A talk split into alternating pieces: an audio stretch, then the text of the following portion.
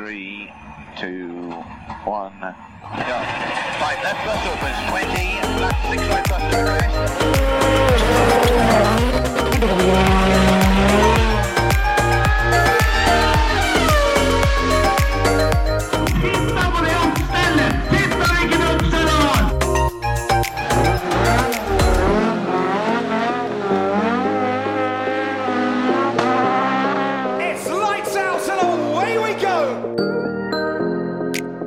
Da er det på tide med et nytt førermøte.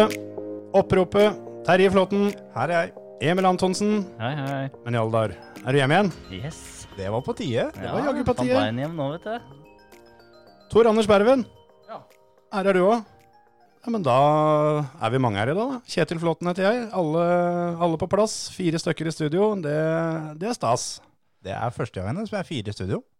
Får vi, får vi testa alt dette flotte utstyret vårt.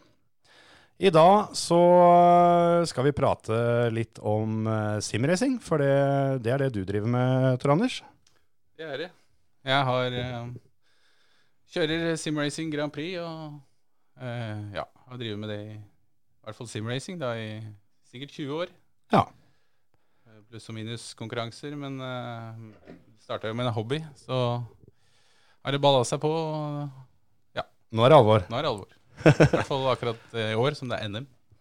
Ja, det er litt kult det, for det har jo vi prata om på poden før, at uh, dere har fått uh, fullverdig NM-status. Det er litt tøft. Ja, det er jo første gang uh, Eller det vil si de arrangørene som dro i gang dette for tre, to år siden, har jo nå jobba opp mot Norges Bilsportforbund og fått, endelig fått godkjent NM-status i bilsport. Da. Så det er jo Ja, det er fantastisk. Ja. Bra. Det er, det er jo litt fett å kunne kalle seg norgesmester da, med å sitte hjemme og spille bilspill. Ja. Eller, Kjøre simulator. Simulator har vi fått vite at det heter. Du, ja, som du sier, har holdt på med dette her i, i 20 år. Åssen har utviklinga gått i de 20 åra? Sånn, eh, det er vel litt flere som holder på med dette nå? Ja, i hvert fall eh, i Norge så har jo eh, Alle har vel eh, spilt bilspill, for å si det sånn, men eh, det har jo først, først eksplodert de siste to-tre åra i Norge. Mm. Sånn eh, for å kalle det profesjonelt, da, eller konkurransemessig. Vi, hva jeg skulle si, eh, de em, konkurransene som eh, har blitt arrangert på, i, i Norge, da. Mm. som har blitt vist på TV og, eller på Facebook da, og YouTube. Ja, ja, ja. Det er de- Nymons TV, det. Ja. Eh, De som har eh, gjort sånn at dette her har blitt synlig for mange, og at det har kommet veldig mange til. Eh, Sist jeg sjekka, så tror jeg det var over 300 eh, på den der Discord-serveren, og der hvor vi kommuniserer. Mm, mm. Da begynner det å ta seg opp litt. ja da. Det er, vel ikke så mange førere, men Det er jo en del som er medlem av hva skal jeg si, communityen, da, som kanskje hopper på av og til. Og litt sånn. Men uh, gutta kjører jo på kontrakter og greier. Da. Det er jo store team, store satsinger. ja, altså det, Flere og flere samler seg og lager egne team og sånt, så blir jo det bedre og bedre miljø da, når folk eh, kan du si, har egne grupper og hjelper hverandre. og Alt med oppsett til bil og alt mulig sånt. Ja, ja Mm. Du er medlem i Team Vikings, er det det heter? det stemmer. Hvor mange er dere? Ja, Vi er jo et skandinavisk team, så er vi noen og tjue, da. Jeg har ikke Den her må jeg sjekke, men vi er både finner og svensker og dansker og ja, ikke noe islendere. Nei. Jeg, jeg husker når jeg spilte Live for Speed, så var vi med et team der som da hadde vi egne folk som De var ikke så veldig flinke til å kjøre fort, men de, jobben deres var å lage oppsett. Har dere noen sånne i teamet deres som jobben deres det er å lage oppsett til dere som kjører fort, eller er det noe du samarbeider om alle sammen? Ja, eh, akkurat i Team Vikings så samarbeider vi mest alle sammen. Vi har ikke noe dedikert ingeniør, for å kalle det det. da. Mm. Eh, nå er ikke vi Vi er jo et frivillig team, for å kalle det det. det er ikke noe kostnader vi Vi har ikke noe medlemsavgifter, vi har ikke noe sponsoravtaler, vi har ikke noe sånt ennå. Eh, det er jo selvfølgelig et mål i framtida, kanskje, men eh, men eh, Så vi har ingen dedikerte ingeniører, nei. Nei. Så, Men jeg så jo på, så jo på bilen din nå på første NM-runden i helga at eh, det er jo sponsorer på bilen. Så du har jo Kvamsglass, ja, selvfølgelig. selvfølgelig. Ja, eh, vi, vi kjører jo en fast paint på bilen, og så mm, er det åpent for individuelle sponsoravtaler. da. Så noen har jo det. Mm. Det kan jo være altså Det er jo ikke så mange som får penger, liksom. Det er mest uh, avtaler og tjenester og sånne ting. Og jeg jobba jo i Kvamsglass, så da Så du bytta den mot, eh, mot litt fri fra jobben? Litt fritid. Ja, nei, det blir det dårlig med, men eh, ja. Nei, men det, Jeg må promotere det en har rundt seg, tenker jeg da. Så kan jo de være med videre på andre ting som koster penger, da. Så det er vel ikke gratis, dette utstyret dere kjører med heller. Sjøl om, selv om kostnaden på å, å fikse bilen, eh, den er jo ikke der. Men dere har jo litt utstyrsutgifter allikevel. det er jo, alt er jo relativt, for å si det sånn. Ehm, Det, det er billigere enn å dra på banen og kjøre med en vanlig bil. Det er det. Eh, Det vil jeg tro. At jeg på å si det veit jeg der. Eh, For det Du kan starte med sånn som dere har her, eh, fra 5000-7000 kanskje for et eh, komplett sett, og, og så kan du gjøre det så dyrt du vil. Det er jo sånn overalt. Jeg husker jeg spurte deg før jeg kjøpte dette, dette hobbysettet jeg har her, og, og det du svarte da var hvor mange månedslønner har du tenkt å bruke? Ja. Og da når svaret var ja, hva med 0,3, så svarte du komplett.no. Men jeg fikk jo noen tips av det, da, det, til en del sider, bare for å se, se hva som finnes der ute. Og det er, det er ikke noe særlig begrensninger. Du kan, du kan legge ganske mye i det hvis du vil. Men åssen er det nivået nå? Er det sånn at du er nødt til å ha en skikkelig rigg for å henge med? Eller kan du fint henge med, men sånn som vi har her nå? Det kan du. Uh, helt garantert. Det eneste er eh, Altså, hvis du har én skjerm, da, så har du kanskje litt uh, mindre eller dårligere forutsetninger for å ha full oversikt, da. Mm. Så sånn sett så akkurat den biten med det visuelle og som gjør at det kanskje er bedre å ha litt bedre Eller du er litt flinkere kanskje hvis du har mer å se ut av, da. ja. Det er litt hyggeligere overfor de andre du kjører sammen med, at du, at du får med deg at de er der. Ja, og så gir det jo litt mer følelse. Ja, for det, vi har jo vi har jo ikke noe rumpefølelse i, i riggen. Nei. Eller noen har jo det, men det blir jo ikke G-krefter av det. ikke sant? Så, så sånn sett så Og bremsepedaler selvfølgelig, og ratt. Men det, det fins verdensmestere som har kjørt med G25, så, så det ja. hindrer ingen. Så det fins håp, altså. Ja, da, Hei. For, akkurat det med bremsepedaler, det var noe av det første vi så når du kom hit nå for å prøve den dirt-challengen vår. Eh, det var jo nesten så den pedalen gikk igjennom eh, det pedalsettet her. For du er vant til en litt heftigere bremsepedal enn det vi klarer å stille med. Ja, de, de beste, da, for å kalle det pedalsetta, de har jo noe som heter load cell. Altså de måler på hvor mye trykk du kjører i pedalen, ikke bevegelsen, sånn som her. Mm. Og da er det liksom 50 kilo, 80 kilo, 100 kilo load cells da, som ligger og føler på hva du driver med. Og da, ja, hvis du har 100 kilo, så kan du jo kline til med 100 kilo. Det tråkker jo i stykker, det settet her med. Vi, vi kan jo ta med det tiende med en gang. Eh, Stian Ormestad tok en seier forrige gang, eh, og du gikk inn på en andreplass. Du slo Stian Paulsen. Ja, det er ikke verst, det. Men eh, Stian har da fortsatt, eh, fortsatt ledelsen med 3.13,7, og du eh, klinte til med 3.26,6. Pallen. ja, det er ikke verst. Foreløpig pallen. Litt applaus. Ja. Det er jo ikke noe tvil om at det må være en liten overgang. Sånn som du kommenterte jo det at vi har jo TV-en stående et par meter unna og ned på gulvet og litt sånt. Og det, det er jo ikke der han skal stå. Nei, vi er ganske Vi som, eh, vi som eh, gjør dette så ordentlig vi kan, og det er jo også, bare for å ha sagt det, det er jo målet mitt. Det skal jo være så ekte som mulig. Eh, altså, jeg, jeg må gjøre alt for å få det så likt som virkeligheten som mulig. Ja, ja, ja.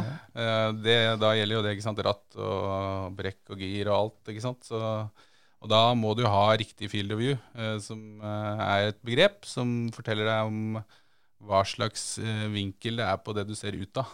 Ja. Altså, ja, du kan jo tenke deg hvis du står eh, eh, fire meter fra vinduet da, og så ser ut, så ser du bare en veldig smal vinkel ut. Går du helt bort til vinduet, så Formet alt, ja. med det alt. Så, og den vinkelen skal liksom korrespondere med den du har der du sitter, da, fra pæra di til Mm. TV-en, da, eller skjermen. Det er masse videoer på dette, så jeg er ikke best utdanna, men jeg veit i hvert fall åssen jeg skal ha det. Mm. Jeg kan jo si det at uh, når jeg knuste dere i forrige challenge, så satt jeg med skjermen helt oppi nesa. Ja, for det er noe jeg, som jeg skulle ønske at vi kunne latt være å snakke om. At du ble best i føremøteredaksjon Sånn er det. i forrige løp. Børsta støv og ratt og henta det fram, banka utpå. Og pakka det rett bort igjen. Pakka det rett ned igjen. Venter vi til neste. Det er, eh, nei, det var vonde Hvor mye var det? 1,2? 1,8? Som Ja. var foran meg med? Du, var du var jo flere minutter bak, da. Ja, men noen må kjøre oppsamler nå. Dere var så langt bak at jeg husker det ikke engang. Det som er eh, oppsida med det, Terje, det er at uh, nå er det ikke mer enn ei lita helg å, å vente før vi skal knekke i gang med neste challenge. Ja, Den begynner på mandag. Vi setter den opp på mandag, og da var den ei uke, sånn som før. Men uh, istedenfor å ta onsdag til onsdag, så fant vi ut at det er bedre med mandag, for da får vi med oss resultatene eh, i neste podkast istedenfor å måtte vente 14 dager. Ja. Så uh, det var uh, litt bedre. Så til mandagen, da åpner det. Da er det Rally Mexico. Men eh, det fins jo ikke noe Rally Mexico på Dirt, så da får dere bare se hva vi klarer å koke opp. Vi skal finne noe som ligner, i hvert fall. Ja, det skal vi. Kanskje du skal gjenta litt hvordan folk kan eh, melde seg inn? For nå, det har begynt å bli ganske mange i den gruppa. Det var vel rundt 30 stykker som fullførte sist. Ja, vi er 60 medlemmer vi nå, i den gruppa nå. Eh, der går man inn på dirtrally2.com. Eh, søker opp eller Join Clubs, er det noe som heter. Eh, og søker opp Forermote-podkast. Det korte, enkle navnet Forur podkast. Ja. Ja, Du må logge deg inn med samme, samme brukernavn og passord som du har i spillet. og så Bare melder deg på. så Inne i spillet så er det en egen fane for uh, RaceNet Clubs, er det vel det heter. Ja. Der dukker det opp av seg sjøl, og da er det bare å knekke og kjøre. Litt fortere enn Terje, sånn at vi ikke Litt fortere enn Emil, det er det som blir. Ja, ja. Skal du kjøre neste runde, Tor Anders? Hos oss? Ja, jeg får vel prøve det, da. Jeg har jo, har jo dette satt opp hjemme, så jeg har jo prøvd en gang, jeg. Men eh, jeg havna litt i skauen. Ja.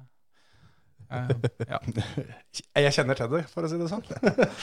Det er litt flaut, gutter, at dere sitter begge to i playseaten her eh, med ordentlige pedaler og alt mulig sånt noe, mens jeg satt og skjøv eh, Når jeg bremsa, så skjøv jeg pedalene fra meg, så måtte jeg dra dem tilbake igjen med tærne i kontorstolen og Det der, akkurat det bringer så mye flashbacks fra tidligere tid når vi spilte Live for Speed. altså. Nå er det bare én eh, her som eh, har fått eh, betalt for å kjøre, kjøre fort med firehjulet motor, så det skulle bare mangle at ikke du vant, tenker jeg da. Ja Nå er ikke dette min ekspertise, da, for å si det sånn. Ja, Det bør vi ikke gå så nøye inn på. Vi får se til uka, da, vet du. Ja, vi får se. Men skal vi gå tilbake til gjesten, eller? Jeg syns kanskje det. For det Du har jo leid inn hjelp i år. Og toppsi, tar det her litt skikkelig seriøst. Ja, eh, jeg har jo aldri vært sånn helt eh, i toppen eh, når det gjelder i løp og sånn. Jeg har jo stort sett ja, Det er litt opp og ned, spørs hva, det, hva slags løp det er. I fjor så trena vi ganske mye eh, opp mot Sim Grand Prix, og jeg hadde vel sikkert eh, 1000 runder på noen av banene. Og det var vel ett av løpene jeg kvala til fjerde- eller femteplass, mener jeg. og Det var jo stas. Da tenkte jeg jøss, det her eh, kan jo hende det er potensial her i gamle skrotten. Og så er jeg så heldig å være relativt god kompis med Per Espen Røken, som, eh, som du nevner. da. Han er ganske kjent mann innenfor motorsportmiljøet, eller blitt nå de siste åra. Han har vært med Petter Solberg og Oliver Solberg. Og, og deg. Ja, det, Og meg. Nei, han eh, har vel jobba for Petter Solberg eh, veldig lenge. Eh, litt forskjellige ting. Jeg, jeg kan vel eh, si det, at jeg har vært med han på en del rally og sånne ting tidligere. Og vi har jo blitt kjent. og broren hans er for øvrig forloveren min, så vi er jo i samme vennegjeng, da. Ja. Så tenkte jeg, han må jo høre med han da, hva som må til for å, for å prestere da, på toppnivå, uh, hvis, uh, hvis det er mulig. Så da spurte jeg han da. ja. Og det var ikke så nedslående svar at du tenkte at dette her er bare å drite i? Uh, Nei, altså nå Sånn det du må utføre, er jo på en måte én ting. Og det du klarer, er jo en helt annen ting. Ja. Men det, det jeg har fått, eh, vi har snakka om og fått beskjed om, og, eller han har sagt sånn og sånn og sånn, sånn eh, må du gjøre, og det er ikke noe Det er ikke noe sånn at jeg Å, herregud. Nei. Hvilke oppsi, arbeidsoppgaver er det du får? Eller vil du kanskje ikke dele det? Jo da, jo da. Nei, altså, dine? oppgaver jeg, Jeg har jo Dere har jo sikkert lest den artikkelen eh, som Mm. var på Simracing Grand Prix. Eh, jeg begynte å trene i høst. Det er jo mest for kroppslige årsaker. Mhm. Og så tenkte jeg nå, når jeg har kommet i gang med det, så, så kan jeg jo lyst godt eh, dra den litt lenger, og så høre med han om uh, hva mentalt, da, for det er jo det det handler om. ikke sant? Hva du, Åssen forberedelser du gjør, og hva slags uh, tanker man må ha når man trener, og når man kjører løp. Mm. Så ja, konkret så må, er, handler det om fokus. Altså du må skru av alt og fokusere på oppgavene. Og det er jo den neste oppgaven hver gang. Det er neste sving, ikke sant. Så, så det handler om å fjerne andre tanker, egentlig. Og bare fokusere på det. Mm. Og selvfølgelig, vi har også egne Vi har jo telemetri og alt som vi kan gå og studere mot andre førere. Så vi, så vi jobber ut ifra det, da. Med å forbedre hver runde. Mm. For det, i første runde av Simracing Grand Prix i år, så kvala du inn til sjuendeplass. Hadde en litt dårlig start. Ja, Hva, hva som skjedde der?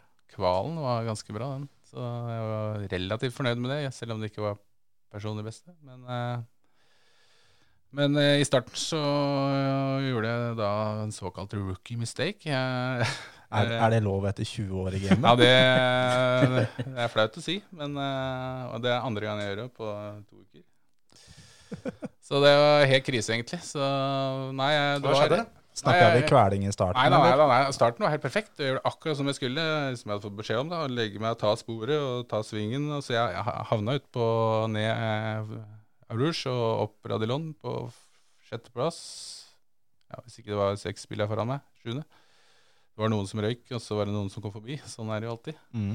Og så etter Kemmel så er det disse Jeg husker ikke hva det heter, men de S-ene. Og der kommer jeg litt opp på curben, og, og så kom rumpa. Så klarte jeg fader ikke å hente den. Mm. Og Der, da tørna jeg rundt og ble stående eh, liksom eh, bakenden mot banen oppå gresset, kan du si. Så da ble det vente da, til alle bilene hadde kjørt forbi. Da kjente jeg det kokte ganske godt i pæra. Og det er akkurat da det gjelder, dette med fokus. At da kan du ikke, da kan du ikke bli forbanna og liksom. klikke. Og, ja, du kan jo det, da. Men eh, hvis du, hvis du lar det gå inn i huet, da, Mm. så ødelegger du resten av løpet òg. Men eh, jeg kom jo klarte heldigvis da å samle meg. Ja, for du henta deg ganske bra opp igjen. Ja, det gikk Jeg, Ja, det ble 13.-plass. Mm. Av 30, er det det? ja, i A-finalen, ja. Ja. Så jeg er veldig fornøyd med det, da. Det er jo navn som eh, Andreas Mikkelsen. De kommer ikke til A-finalen engang. Nei, Han har vel kanskje litt lite erfaring på simulator, men det er jo stas å ha med kjentfolk. Det er noe som har endra seg nå eh, de siste par sesongene, egentlig. At de som, eh, de som driver med dette her aktivt uh, ute i den virkelige verden, da, har, har virkelig begynt å hive seg på, da, på simulatorbølgen.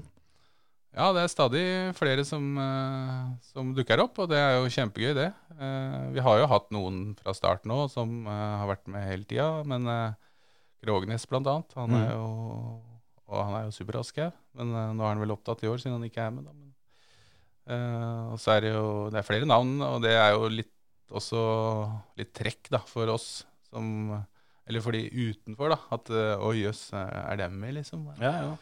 Eh, Det er veldig Det hjelper jo veldig for, for ryktet, da, for å kalle det det. For sofakjørerne. ja, altså interessen for hele greia, som du sier, for, for vanlige folk, da, så er det går jo fra å være å se på en gjeng med ukjente som, som kjører bilspill, til å bli eh, en god del som de kjenner til fra før, da, som, eh, som ja, gir en helt annen status på, på hele opplegget. Jeg gjør det. jeg gjør det. Så jeg så Bakkerud hadde akkurat fått uh, satt opp rigg og full pakke. Jeg har ikke sett den på banen ennå, men uh, Nei, nei Han, han er en sånn, og han blir ikke med før han henger med, skjønner du. nei, det Han trener trener helt fram til han henger med. Ja. For han er jo med i Team Bergen i år. Så det blir jo morsomt å se, da. Er påmeldinga ute for, eh, for NM nå, eller kan du heve deg med på neste løp? Ja, ja, ja. Vi har fått åpen invitasjon, gutter. Ja, for Så jeg, det er bare å jeg tenkte jo på det, opp. du, eh, eller dere, da, Emil og Terje, i dette Emil Antonsen eh, gokart-teamet deres. Dere har jo allerede laga livery og alt sammen til bilen, så det, alt er jo klart. Alt er klart. Og du, eh, du som du sier, kan jo bare, bare vippe fram rattet og, Og være best. og være på, oh, på tiende. Så Altså- jeg, jeg forventer å se deg på startstreken neste runde, Emil. Ikke, kanskje ikke neste runde, fordi det, du må ha mange runder før du begynner i det hele tatt å klare å slappe av. Fordi sånn som det største jeg merka, for jeg har jo, jeg har jo iRacing og alt sånn. Jeg, Har jeg har hørt litt om den bilen, at det er som å kaste ei slegge med skaftet først. At den er omtrent sånn å kjøre, eller er den kanskje ikke det? Ja, eh, den ble vel lansert for tre år siden på iRacing. Og jeg, jeg syns den var kanon med en gang. Jeg synes den var helt rå. For den, du kjører litt på slip angle, og den er liksom Men du kasta jo ganske mye slegge med skaftet først, da. Så Ja, da. det, Jeg har jo vel Ja, det irriterende for meg er bremsene. Fordi jeg er jo vant til å kjøre altså 90-95% bremser foran. Og det der å hogge til bremsene når du går inn, det kan du bare glemme. Det er jo, da, da står du jo langt ute i rekkverket der. Det er som å dra i brekk. Ja, det er som å dra i brekket. Og det er det, uansett hvor mye jeg stiller bremsene forover, så er det liksom Ja, da låser du foran til slutt. da. Det her høres ut som en bil for meg, altså. Ja, det er bare å slenge seg på, vet du. ja, det er, eh, det er jo så poppis med team, da, gutter. Så kanskje dere to skal Jeg så at Park Farmé har egen bil, så kanskje førermøtet må ha egen bil òg. Jeg syns nesten det, altså. Så vi må få lagd nytt livery, det er det du sier? Det er helt riktig. Nei, men da blir det så mye greier, så da drømmer vi må drite i det. Altså, akkurat når neste løp går, så hadde du planlagt da skal Emil lufte bikkja, og det, er, det, blir mye greier. Det er best å se på. Jeg tror det. Nei da, men det, det er jo gøy, fordi jeg har jo, har jo kjørt det litt sjøl. Jeg har ikke kjørt mye, men jeg har fått testa det en god del. Og det er jo sjukt imponerende å se sånn som rundetider og sånn, da. Det jo, for det er det første jeg ser på, og splitter og, og hvor jeg kan hente inn. Og har jo også gått til innkjøp av det derre coach, jeg husker ikke hva det heter for noe sånn, eh, hvor du kan se setups og inn og Virtual Racing Ja. School. Yes. Ble, fikk eh, en del hjelp av, av Tommy til å få i gang alt sammen og, og finne måter å trene på. Det er imponerende hva, hva dere får til. Det er jævla vanskelig. Det er jo, det er jo like tett uh, når dere kjører som det det er uh, ute i den virkelige verden, for det, det går på tideler der òg. Og en, en liten feil på, på kvalifiseringa der, sånn, det, det er nok, det. Ja, det er Vi liker jo å si at uh, vi er enda tightere, da. Eh, nå har ikke jeg vært med helt i toppen, så jeg har jo liksom ikke fått smake på det.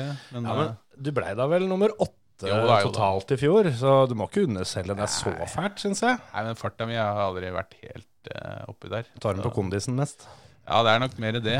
Og det er jo det akkurat det motsatte jeg gjorde nå, i første runde. da. Så Sånn Innenfor sim-racing-verden nå, så skulle jeg ønske at jeg var 12-13 år, jeg. Og ha mulighet til å være med på Team Even. For de gutta der, de imponerte meg sånn helt ekstremt den første runden. Ja, Det tenkte jeg litt på. Åssen er det når du, som, det, det kommer en bil som du du ser den i speilen, og så plystrer den forbi, og så vet du at da du begynte med dette, så var ikke han født engang. Han hadde fortsatt ganske mange år igjen til han titta fram. ja, det er litt sånn at eh, da noen ganger du, Hvis du skjærer på feil tankeplan, da, så kan du jo bare legge opp. Ja. For det, det er jo dem sin tur, for å si det sånn. Men eh, vi gamle gutta må jo få lov til å være med, vi òg. Jo, jo. Men det, det er jo akkurat sånn som det er i virkeligheten, det, da. Det er jo stadig noen som sitter med rutiner og titler og alt mulig, og så plutselig så kommer det en sånn jypling på 16-17 år og banker forbi. Det er jo, det er jo aldri gøy, uansett. Samme egentlig hvem du blir forbikjørt av. Det er jo ikke noe moro uansett. Men Nei. De har nok funnet noen eh, talenter der. De er vel ikke med der for moro skyld i dette even. Det er vel Nei, de er vel plukka ut, ja. For de har jo sagt at de har drevet med simracing nå i, ja, siden jul, et par måneder. Um, og klarer da å bli topp ti i første løpet. Uh, for oss som ikke har så veldig peiling på nivået, på måte, hvor sjukt er egentlig det? Nei, det er ganske Han ene ble nummer tre. Benjamin Ja, Fuglesang. ja. Nei, det er utrolig. Jeg har sett eh, Tine på treningene, og de er helt rå. Så det er noe bra talenter her, men samtidig så når det er eh, Det er min teori, da. Når du er såpass ung, så har du liksom Du har ikke låst deg til noe. Du er veld, tar veldig lett imot.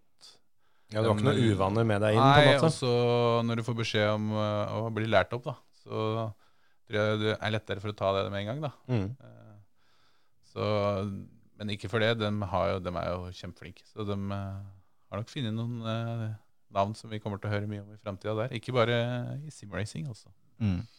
Men det var jo Team Vikings-sjåfør som vant. Det var det. Min lagkamerat Carl Fredrik Herzog, han, eh, han er jo alltid vært rask, så vi har vel forventa at han skulle vinne en gang. Han har jo ikke klart det før nå, så det var veldig bra for han.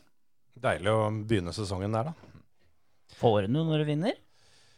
Eh, Jeg har ikke helt oversikt over premier. Jeg er litt usikker på åssen poenget er òg, så jeg, jeg fokuserer mest på å bli raskest. Mm. Hadde vært kult om du fikk en pokal i posten eller noe sånt nå. Det var noe i fjor. eh, Det var jo på den der eh, premieutdelinga med Bilsportforbundet. og- Ja, ja, ja, på bilsports... Uh, Ja, nå får du medaljer, da. Så det blir jo, det blir jo enda bedre. Jeg mener jeg husker du snakka om uh, før sesongen i år, så, så lå du litt sånn på vippen om, uh, om du skulle, skulle gå for å satse, eller om du skulle liksom innse det at nå, nå begynner dette her å bli for tøft. Og da sa du vel noe sånt at uh, du regna med du måtte ha et par tusen runder på hver bane for å, å på en måte hevde deg, da. Er det der det ligger, eller? Nei, nå Det var um, før jeg snakka med Per Espen. Ja, ikke sant? Ikke sant? Så eh, jeg har ikke nærheten av det i år. På den første løpet, i hvert fall. Uh, men vi hadde det i fjor. Noen uh, Og jeg, hvis du kan jo si du kan jo kjøre Kjøre, kjører, kjører, så får du tida di, ikke sant. Og så har du noe som heter optimaltid. Ja. Da samler den sektorene som er best. Mm. Så du har jo da samla sett kjørt optimaltida di. Hvis du kjører lenge nok, så kommer det til å bli tida di. Ja, ja. Så, sånn kan du så grave Sånn kan du grave og Ja. til slutt så sitter jo det sånn noenlunde. Og da Det var sånn jeg tenkte litt før, da. Ja, At du, du måtte kjøre lenge nok til at du lå ned på optimaltida Ja. Omtrent fast? Ja, altså den eh, differansen mellom eh, beste rundetid og optimal tid er jo Til å begynne med så er den jo Mm. flere sekunder. Mm. Etter eh, 50 runder, kanskje 100 runder, og, og studering av telemetri, så blir den jo mindre og mindre og mindre. Du Mm. vil jo ikke nødvendigvis kjøre to sekunder raskere for evig. Nei, nei, nei. Men uh... Så, um, så det og, Men det å være effektiv på treninga, da, det har mye å si. At Mm. du kjører litt og ser hva du gjør, prøver å luke vekk det, og så holde på sånn. da. analysere Og- alt du gjør. Og, ja. Det er jo, det er jo basically å, å ta det man gjør på øhm, ordentlig Om det er bil eller kart eller whatever. Det er jo, man gjør akkurat det samme. Går jo inn, og så ser du hva, hvor du kan forbedre deg, og så er det jo på en måte hvordan du klarer å trene på det, da. Det er klart, du har jo akkurat som i, som i vanlig racing også, og det at du får Det er alltid noen som er kjappe på tikjøringa. Det vil det alltid være. Så det er noen som ikke er så kjappe på tikjøringa, som er mye kjappere i løp, da. Mm. Det, det gjelder jo der òg. Og det er mange som er mye flinkere til å fighte enn å kjøre fort hver runde. Absolutt. Og så er det mange som har én kjapp runde i tillegg, da. Ja. Og ikke ti. Så har jo vi noe som heter off-tracks, som ikke fins i virkeligheten. Eller det fins vel, men eh, Ja, Åssen fungerer systemet der? I en trening, f.eks., så kan du velge å surre så mye du vil. Mm. I iRacing da, så er det sånn at du kjører av banen, så får du ett poeng. Snurrer du, så får du to. Treffer du en eller en vegg, så får du fire. Så uansett uh, hvor mange sånne du har på en runde, så blir den runda ugyldig, da, for å kalle det det. Uh, du vil kunne se den, og du vil kunne vise den i en trening, men under kvalifisering så er det helt eh, Da må du ha ingen. Da kan du ikke ha noen. Er det For å, skal telle. ja, så det er, det er for, å, for å hindre at noen har funnet ut at her kan du kutte rett over, og det går fortere? Ja, Og de eh, banene har jo forskjellige grenser, ikke sant. Så Mm. det er jo en ting du må lære deg å utnytte til det fulle, da. Så, så de grensene, det er noe som setter seg nøye inn i, på en måte, før du begynner på en bane. Og For den, det er jo så små marginer at det, en må jo utnytte hver centimeter av banen der òg. Ja da, og eh, vi får ikke sett de, men vi får kjørt de, da. Så, så sånn at eh, når du begynner å komme opp i greit treningsnivå, så vil du jo presse Du skal jo bruke hele banen, og da presser du jo det der hvor det er mulig. Dere har vel sett eh, Formel 1-løp med diverse Ja. Mm. kvota med førstappen, blant annet, eller Så det er jo litt sånn, ikke sant, at du må finne siste millimeterne eller centimeterne. Åssen er det under løpet? Nei, det har du x antall poeng poeng å gå på. Så etter eh, akkurat nå så er det 17 poeng. Da må du inn og ta en liten eh, stopp i pitboxen og så videre. Det er et kult system. Ja, det er moro. Om du samler opp 17 poeng, så får du en stop and go-straff, rett og slett. Det er helt riktig. Men eh, angående pit, det fungerer også sånn tilnærma som uh, i den virkelige verden. At hvis du, hvis du får en skade på bilen, så kjører du pitten, og så tar det da x antall sekunder å fikse, og så er du utpå igjen, ikke sant? Ja da, det gjør jeg. Det er uh, Du må nødvendigvis ikke pitte hvis ikke det er en alvorlig skade, da. Nei, nei. Hvis du føler at du eh, ikke klarer å kjøre bil, så må du pitte. Og så har du en ting til som gjør at uh, hvis skaden er så alvorlig da, at det lekker olje, f.eks., Ja. så får du varsel om det. da, Og da må du stoppe og reparere bilen innafor tre eller to runder. eller sånt. Så du kan legge igjen litt olje, og så kjøre. Ja. Titte Det litt på hvem hvem er det som ligger bak her, og så Ja, Det er safety car-opplegget òg, så vi kunne hatt det. Men uh, det fungerer ikke eh, automatisk. Nei. Så du må sende den ut sjøl. Eller de som styrer løpet. da. Mm. Ja, for det er, det er en løpsleder som sitter og overvåker og følger med, på en måte? En, en slags dommer, eller er det, går alt sånt automatisk i spillet? Alt det går automatisk nå. Ja. Eh, Det er fullt mulig å ha det. da. Du har admins der, sånn som eh, i dette tilfellet Tommy og de. da. Så kan de eh, gjøre ting. Mm. selvfølgelig. Sparke en fyr, eller Ja. skru av chat, eller alle mulige sånne ting. da. Ja. Mm. Og gi andre ja, put en end of line, eller hva det heter. ja, ja. Dette her, eh, iRacing har jo opprinnelse fra USA, så de er eh, veldig, veldig mye amerikansk når det gjelder Corsen og sånn. da, Mm. lift car. Så vi er ikke, de er ikke helt up to date uh, europeisk og verdensstandard, da, vil jeg si, sånn sett. da. Jeg ser dem kjøre mye NASCAR, Ja. faktisk. Vi har jo en fra Tønsberg som kjører VM. Ja, jeg skal Ja, til å det. Det, det ser jo veldig kult ut, da. Det, Har du testa det, eller? ja da, ja da. Jeg har kjørt litt før, så det er, det er noe helt eget. Det er ganske intenst når du ligger der i Ja, det, det er drøyt. Det er jo forskjellige baner, da, selvfølgelig. Noen eh, som er eh, Som setter på alt å si. Det har du jo hele tida. Men på de superspeedways hvor du bare ligger packed, det er helt eh, Det er galskap. Det er nesten eh, magisk, og du blir eh, Ja. Jeg skjønner de gutta som kjører der i fire timer, liksom. Men hva, hva er høydepunktet ditt da, innenfor uh, simulatorkjøring eller simracing? Så langt? Eh, Nei, jeg hadde vel en eh, I 2009-2008 2008, GT Academy. Da kom jeg til finalen i Oslo. Ja. Og Så endte jeg på tredjeplass der. Så det er vel vil jeg si, kanskje den beste prestasjonen jeg har gjort. da. Men eh, det var jo selvfølgelig åttendeplass i Simracing Grand Prix i fjor. er jo Vi vant jo finale i Oslo og sånne ting, så det var jo veldig stas. da. Hva er målsettinga denne sesongen, da? Nei, jeg har jo egentlig latt være det, da. Dette er testing, dette nå.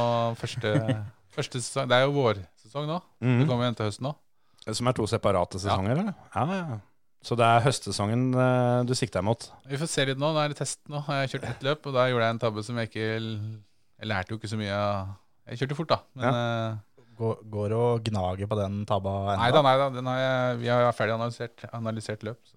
Det er bare når vi kommer og minner deg på det. Ja, så, ja. Jeg må jo forklare det stadig. Hva skjedde i det løpet? Det, det er Det er jo- ferdig med nå. Det er jo litt kult, da. Sånn som uh, Jeg fikk jo, fikk jo noen bilder på Snapchat mens du kjørte, av, av broren din blant annet. Og da så det ut som at hele familien var benka i stua og, og, og hadde løpet på TV-en og greier. Og det er litt tøft. Ja da, ja da. Det er jo overraskende mange som følger med. Altså. Ja. Det er jo kjempegøy, det. Det var jo litt eh, tilfeldig det med at du fikk den. For at eh, jeg fikk melding av mutter på lørdag. Lurte på kom i kake, for hun hadde bursdag. Ja, du skjønner eh, jeg skulle kjøre NM, så måtte flytte av det til mandag, vi da. Ja. Ja, ja. Ja, det var jo, var jo et par hundre som satt og så på. Ja, det var jo på YouTube, eller var det på Jeg var på Facebook, Ja, okay. Mm. Men ja, det var eller nærmere 250 stykker eller noe sånt. tror jeg. Ja, Så er det helt sikkert veldig mange som kommer og går litt, som ser eh, ti minutter, og så finner de på noe annet. Og, så totalt antall seere i løpet av et stevne er nok ganske høyt, vil jeg tro. Ja, og det, nå har ikke jeg noe mening om hva som er høyt og lavt på sånt, men eh, YouTube også får en del, da. For det er jo ganske mange altså vanlige folk, de ser jo på Facebook, for der, der det blir delt, og alle kan dele, ikke sant? Mm. På YouTube så sitter det jo sikkert en del gamere, da, som også, eller andre simracere, som bruker YouTube mye mer enn det vi Mm. andre folk gjør. Der kommer jo den oppsida da med å, å ha de eh, etablerte førerne, sånn som når eh, Jeg eh, fikk jo linken denne gangen via Facebook-sida til Ole Kristian Weiby. Og når sånne som han da deler det til noen tusen følgere rundt omkring, så, så drar det lasset.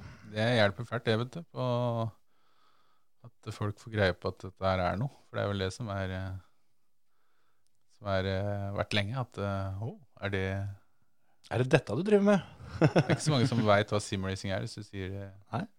Nei, Jeg visste det ikke egentlig ordentlig hva dere faktisk drev med sjøl før forrige sesongen, når dere begynte å sende det på, på Facebook og YouTube. Så det var første gangen jeg fikk se ordentlig hvor, eh, hvor tett og kult det her egentlig er, da. Men det, det er jo ikke løp hver helg, så, men du kjører vel kanskje litt andre ting òg? For det er jo ikke bare NM-løp, det er vel mye annet rart og, som du er med på? Ja, jeg, nå, akkurat nå så er det kun hovedfokus på simracing Grand Prix. Men eh, å droppe inn på noe annet, det er mulig. Men eh, å begynne å bruke tid på å trene noe annet, det er ødeleggende. Ja. Så det gjør vi ikke. Men, eh, men eh, vi Jeg har vært med å arrangere sammen med Carl Fredrik blant annet, og et par-tre andre. Ole Kristian Lundeberg og og så har vi noen svensker som også er med og arrangerer noe som heter Club Scandinavia eh, League, altså inn på iRacing. Ja. Og der har vi løp hver uke, vanligvis. Så det som skal foregå nå, er jo sesongpause, så nå starter vi med en ny dobbel, eller ja, annenhver uke, da, med en med GT3-biler og en med GT4, en helt ny eh, Porsche Cayman som har kommet på iRacing nå. Mm. Så den, eh, ja, Til mandag så må vi jo prøve Lånkebanen, for den er også spredt ny. Så da Ja. tar vi et sånn one-off-løp der, da. Ja, den kommer jo denne uka her. Ja. Men eh, for det som du sa, det å drive og trene på andre ting eh, er, er litt forstyrrende. Men, eh, for da tenker du på å, å trene rallycross og liksom andre biler og sånn. Men, men er det da andre serier med den samme bilen som dere kjører med i NM, som er det noe europeisk seer serie og sånne ting som du kan være med på? Ja, det er det. Eller det vil si, eh, det er ikke noe sånn uh, egen serie, men det er eh, Eller det er jo det. Åssen jeg skal forklare det. det er, uh, iRacing har jo eh, løp hele tida. Mm. Mange forskjellige grener. Og der kan du bare melde deg på. Og der går det løp uh, akkurat når det er annenhver time eller ha- hver andre time. Ja, det er Hele. Hele døgnet. Ja. Og da melder du deg opp og kjører kval og kjører løp. Og da blir du matcha med folk som har samme rating som deg, da, sånn at du Altså ikke du må kjøre slalåm mot sånne kjøttur som meg, f.eks. Ja, eller, ja. eller motsatt. så det spørs litt om når på døgnet du gjør det, for det er jo ikke alle tidsperioder det er stappfullt. Nei. Og hvis det blir fullt, så blir det splitta. Sånn at du er det 100 stykker som har meldt seg på, så blir det tre eller fire løp og 25 stykker. Ja, ja, ja. Og det kjører de hele tida. Og det er jo da også VM-kvalifisering i denne serien nå. Mhm. Jeg er litt usikker på når den er ferdig, men eh, Og da vil jo de beste samle seg. For at Mm. jo høyere rating det er samla i et løp, jo mer poeng blir delt ut. da Så de som har best poeng, får pro-lisens. Så det er vel på lørdag eller noe sånt. Da er det sikkert Da er det flere hundre som eh, melder seg opp, og da Og den blir vist på TV nå, den toppsplitten der. Tøft. Sindre Setsaas er med der, blant annet. Eh, Ja. Jeg tror han har kvalifisert seg allerede, så jeg så han ikke på siste løp. Han er vel allerede kvalifisert, tror jeg. Så Det er fett opplegg, altså. det er kult. Jeg satt faktisk og så på Lando og altså Lando Norris, og Max Verstappen kjørte var det tolv timer de kjørte på Kjørte samme løpet som dem. Du var Han der? kjørte Lando, egentlig. Han bare spotta? Eh, Ja, han spotta kanskje Ja. bare. Men Ja, så han satt i ja. riggen, så Nei, han kjørte, han. Jeg ble jo frakjørt av Max flere ganger, men uh, Åssen han åssen er det å kjøre sammen med dem guttene? Du du, ser han i speilet, så tenker du litt at han skal i hvert fall helst ikke krasje ut, da. Ja. Jeg ser han ikke der så lenge, hadde jeg tenkt. Ja, nå, kjørte, nå skal jeg si at vi kjørte forskjellige klasser. Jeg kjørte Porsche, og de kjørte GT3, så det er ganske stor forskjell. Det er ti sekunder per runde eller noe sånt. De vant ganske overlegent òg, gjorde de ikke det? Ja, det husker jeg ikke helt. Jeg tror de vant ganske så lett. Men, er, eh, men jeg, jeg kjenner igjen det der med å bruke opptil 1000 runder, 2000 runder og sånn for å lære seg ting. Jeg husker jeg og Emil satt når det kom en ny bane på Live for Speed. Da var vi ni hundredeler fra verdensrekorden. Og vi satt en hel natt og kjørte runde etter runde på samme banen for å prøve å få tatt den verdensrekorden. Og det var, jeg, jeg er sikker på at vi hadde 1000 runder bare den natta. Gikk det? Nei, nei, nei. Vi, altså, det, der var det litt annerledes, for der kunne du jo slipstream og sånn, ikke sant? Og det var jo, du kunne jo sette world Mm. record eh, med andre. Sånn at uh, alle de som satt uh, world record, de kjørte jo med slipstream på langsida. Så vi switcha jo, da. Kjørte vi liksom et par runder hver, da, hvor uh, ene kunsten la seg perfekt for å slipstream over til langsida.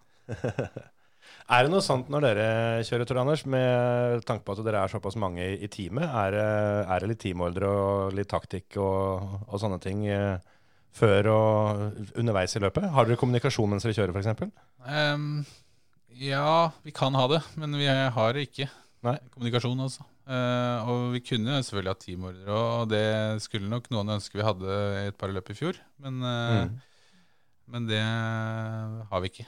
Vi er eh, som sagt en, bare en uh, klubb, for å kalle det det, da, som eh, gjør dette for moro. Så, Mm. så det er ikke så hardt enda, men jeg kan tenke meg det er det i de toppteama, også de som er med i VM og sånne ting. Så. Mm. Og vi bruker jo hverandre så mye vi kan, både med slipstream og med teknikk. Ikke sant? Er det sånn da på kvalifisering at dere prøver å få kjørt ut tapeten samla, en samla gjeng for å samarbeide, eller er det da hver mann for seg sjøl? Akkurat nå så er det om å gjøre å få varma disse dekka fortest mulig på den bilen. Det er det som betyr mest. Mm. Og den har jo litt downforce fra før, den eh, Porscha som vi kjører. Så akkurat nå så er det ikke så mye å hente på akkurat det. Nei. Så, men det har jo hendt før, ja. Riktig bane, blant annet Monza og sånt. Så. Jeg tenker spa også er vel Ja da. Kan vel hente litt eh, der, vil jeg tro.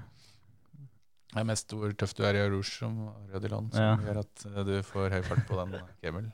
Ja. Det er litt forskjell eh, når du ikke har den downforcen eh, der, gitt. Hvor kult er det for sånn som for din del, da, som ikke, ikke har kjørt på disse banene i virkeligheten, sånn som noen av de du kjører mot har, er det at det, det er eh, tilnærma 100% identisk med det som faktisk uh, fins eh, finnes der ute. Er, er det litt ekstra stas å kjøre på, kjøre på Spa og Monza og de banene her, eller kunne det like gjerne bare vært en sånn random-generert bane? Det er jo litt det sånn det er ekte bane her er jo selvfølgelig eh, kult. mm. Uh, men eh, ja, jeg vet ikke åssen det hadde vært hvis alle banene hadde bare vært uh, lagd. Men eh, jeg har ikke tenkt på det. Det blir jo litt Bare- sånn er jo litt kult òg, da, når du, når du sitter i hjemmekinoen din og ser på Formel 1-løpet, og, og du ser at Verstappen uh, ligger bak Hamilton, så tenker du at det, den svingen som kommer nå, der veit jeg der har han en sjanse. For det, du kjenner deg litt igjen, da, på en måte. Ja, og sånn har jeg jo alltid drevet av, for så vidt. Med, mot- med sett på Formel 1 og kjørt Formel 1 da, med, mm. tidligere. Det er jo veldig gøy da å liksom kjenne banen før du ser på løpet og sånn. Ikke sant? Så, det er klart det, det hjelper, det. Eller det er gøy, det. Mm. For du har bygd kino hjemme. Ja, jeg har bygd kino på toppen av garasjen. Sånn, Ja, sånn som her. Noen bygger podkaststudio, Ja. andre bygger kino. Det er forskjell på folk, altså. Men eh, jeg tenkte på en annen ting, sånn som nå som dere kjører uh, Simracing Grand Prix med Porsche. eh, er det din foretrukne gren? Er, er det på en måte der du eh, alltid har følt å ha hørt, eh, hørt hjemme, eller eh, har det vært litt mer over for rallycross eller rally eller sånne ting? Ja, jeg vil jo si at jeg begynte mest med rally, egentlig. Det var jo det eh, vi var på når vi var yngre. Mm. Når vi var ute i skauen og på svenske rally og kikka på disse som eh, hadde flatpedal gjennom skauen. Så og da ble det jo selvfølgelig litt rally på veien eh, til og fra òg. Men eh, så flytta det seg ned i, på simulatoren. Og det er eh, Richard Burns Rally som jeg begynte med, egentlig. Ja. Eh, tidlig 2000, eller Det rett etter det er et Det er fett rått, spill, altså. altså. Ja, men det er kult enda. Jeg, Ja jeg kan fortsatt ene etappa baklengs når jeg bare lukker øya. Det Det var vel den vi satt og skrev noter på. Ja, skrev egne noter. Egne noter og Det er verdens kuleste etappe altså, på et bilspill, eller simulator, som, det, som jeg Ja, lærte at det. Burns Rally er eh, virkelig en simulator også, for Ja. det var den eh, ordentlig første som kunne Og den hadde, hadde ordentlig bilfølelse. Mm. Ja, for der kan du jo der kan du stille inn uh, omtrent hver minste detalj på bilen, sånn som du kan ellers. Og jeg vet ikke om de, det er ikke sikkert du vet heller, men om de holdt på med det enda, men det var jo veldig lenge etter at det spillet på en måte ble satsa på fra offisielt hold, at det, det fortsatt var noen som satt der ute og lagde nye biler og nye liveries og alt det er sånn i mange, mange år etterpå. De gjør det enda. Det er nylig kommet en ny utgave av noe som heter Richard Burns Rally Pro, som samler alt dette i en sånn, et bilde, så du slipper å laste ned og kopiere filer og alt det der. Tøft. Så kan du bare trykke, og så kan du velge R5 og gi gass. Det, er, eh, det, er, det er så sjukt at det spillet som er såpass gammelt, det er fortsatt et av de bedre spillene. 2004, så er det 16 år. Det er, eh, tenk deg det spillet der med om å si, 2020-grafikk. Ja. Det hadde vært helt overlegent. Kunne bare, alle andre kunne bare lagt ned. Problemet med det er at uh, det gikk jo ikke så bra med Richard Burns Rally, altså spillet. Mm. Det er litt fordi at eh, når det er så det er realistisk, da, Ja. så mister du jo bredden, for å si det sånn. Da. Mm. Du finner masse flinke og sånn som det fortsatt er, da, siden de lager, fortsatt lager ting til spillet. Det er jo helt utrolig. Mm. Men det blir for eh, Det blir, blir et sånn nisjespill da, for dem som har interessen. Ja, Det ser du litt på iRacing òg. Det, er det er liksom ikke Det var ikke bredden. Det er ikke samme som Gran Turismo og Forza. Nei. Nei, for det er jo litt greier der. Du må jo betale for uh, holdt på å si lisens og alt mulig styr. Det var jo, var jo en del å kjøpe alle baner og biler og Det var ganske mye greier for å komme i gang. Ja da, det er jo et abonnementsbasert eh, system, og så må du kjøpe innhold. Så Mm. for mange så er kanskje det litt eh, litt, eh, litt høy terskel. I hvert fall hvis du kommer fra vanlig gaming eller andre bilsimulatorer og spill. Så er nok den litt hard, men hvis du sammenligner det med hva som helst andre hobbyer, så er det ikke så dyrt allikevel. det. Ja, altså, sånn som eh, alle mulige andre spill. Sånn som, som Fortnite, alt mulig som alle kjøper. Eller har, da, fordi det er gratis og alt mulig. Men de ender opp med å bruke en haug av penger på alt mulig rare ting inni der òg. Skal ikke lenger enn til Candy Crush der, altså, før det begynner å bli Nei, du har vel brukt noen kroner på Candy Crush, tenker jeg. Ja, det- Jeg har brukt masse penger på Fortnite sjøl, men det er ikke til meg. Nei. Nei, ikke sant? Unger som gnæler. Er det litt sånn at uh, det blir nok ikke, ikke sydenferie til sommeren, unger? Uh, jeg tror nok vi tar oss en tur til, til Hundefossen, for nå skal far eh, oppgradere riggen. Nei, så voldsomt er det ikke. Og jeg har jo gjort dette Jeg har jo bygd på den riggen, for å kalle det det, da, i sikkert eh, ja, siden 2005-2004. da. Mm. Så har det blitt nye deler der, nye deler der. Så er det selvfølgelig noen ting som er litt dyrere. Og ny PC må du ha Jeg er jo litt gadget freak, så jeg må jo gjerne ha det annethvert tredje år eller noe. Ja, ikke sant? Og den er jo ikke gratis, den heller. Så, men um, Så er det jo ikke det samme rattet til alle bilene. Nei da, jeg har noen ratt. Jeg mener å, at jeg så det på et, et bilde, at eh, du har noen ratt, og du, du har stilt dem ut eh, litt kult hjemme òg, har du ikke det? Jo, jeg har hengt dem opp på veggen. da. Tøft, det. Men sjølve rattet, det er ikke så eh, ille prisa i forhold til holdt på å si, motoren, da. Hvis du Nei, kaller stemmer. det det. Det er den som koster Ja. heftig Men summer. det, det er jo mange aktører som selger dette, ikke sant. Mm. Så det fins eh, sånne som det, Logitech, som ja, ikke du kan dele, da. Så det er kun det rattet. Mm. Så har du jo på Trustmaster har vel også avtagbare ratt. Eh, Mm. Derfor også kjøpt løse ratt. De koster vel en tusenlapp eller 1500. Mm. Og så kommer det opp på Fanatec, som jeg har, da. Som har da en base som Det finnes jo billige baser og dyre baser. Som har en uh, quick release-system. Mm. Og Da kan du bytte mellom alle ratta de har, for å si det sånn. Det er litt tøft. Ja. Jeg mener jeg så Logitech hadde en ganske sånn uh, I hvert fall uh, Science og Lando-gutta bruker jo et sånt. Og Det lurer jeg på om det var avtagbart, men det er ikke sikkert det er for all mann. Kan hende det er noe de har Kan spesielt. hende de gutta der får noe eget. De har Logitech-logoen på hansken Ja. når de kjører uh, Formel 1-bilen, så jeg regner med de stiller opp. Kan hende de får litt special special Ja, treatment. kan hende. Jeg tror det, altså. Men eh, hvis eh, håper å si, mannen i gata vil begynne og skulle ha satt opp en ordentlig rigg, Ja. ikke noe sånn hva skal jeg si, altfor heftig, men si du skal investere litt, da. Hvor mye må de ut med, sånn cirka? Nei, hvis du skal gjøre det ordentlig, sånn medium ordentlig, for å kalle det det, mm. eh, med stol og tre skjermer og sånt, så, ja, så hvis du har en rigg til snaue 10 000 med sete, da, og så har en PC til rundt 10 000, bør du ha, Mm. og så spørs det jo på skjermer, da, de får du fra, fra 1500 kroner stykket og oppover, så, så hvis det er 5000-6000 i skjermer, da, så er vi oppe i 25 nå, og så må du ha et rattsett med pedaler, må nok opp i 15, tenker jeg, for det skal være greit, da. Mm. Ja. Så, Så da er vi 50, da. Ja. 40 000-50 000 eh, går det fort hvis du skal, Ja. skal komme i gang. Ja. Og så er det Nei bare da, å du trenger jo ikke det. Nei, nei, men sånn hvis du skal opp ja. på Opp et på nivå, da. Ja.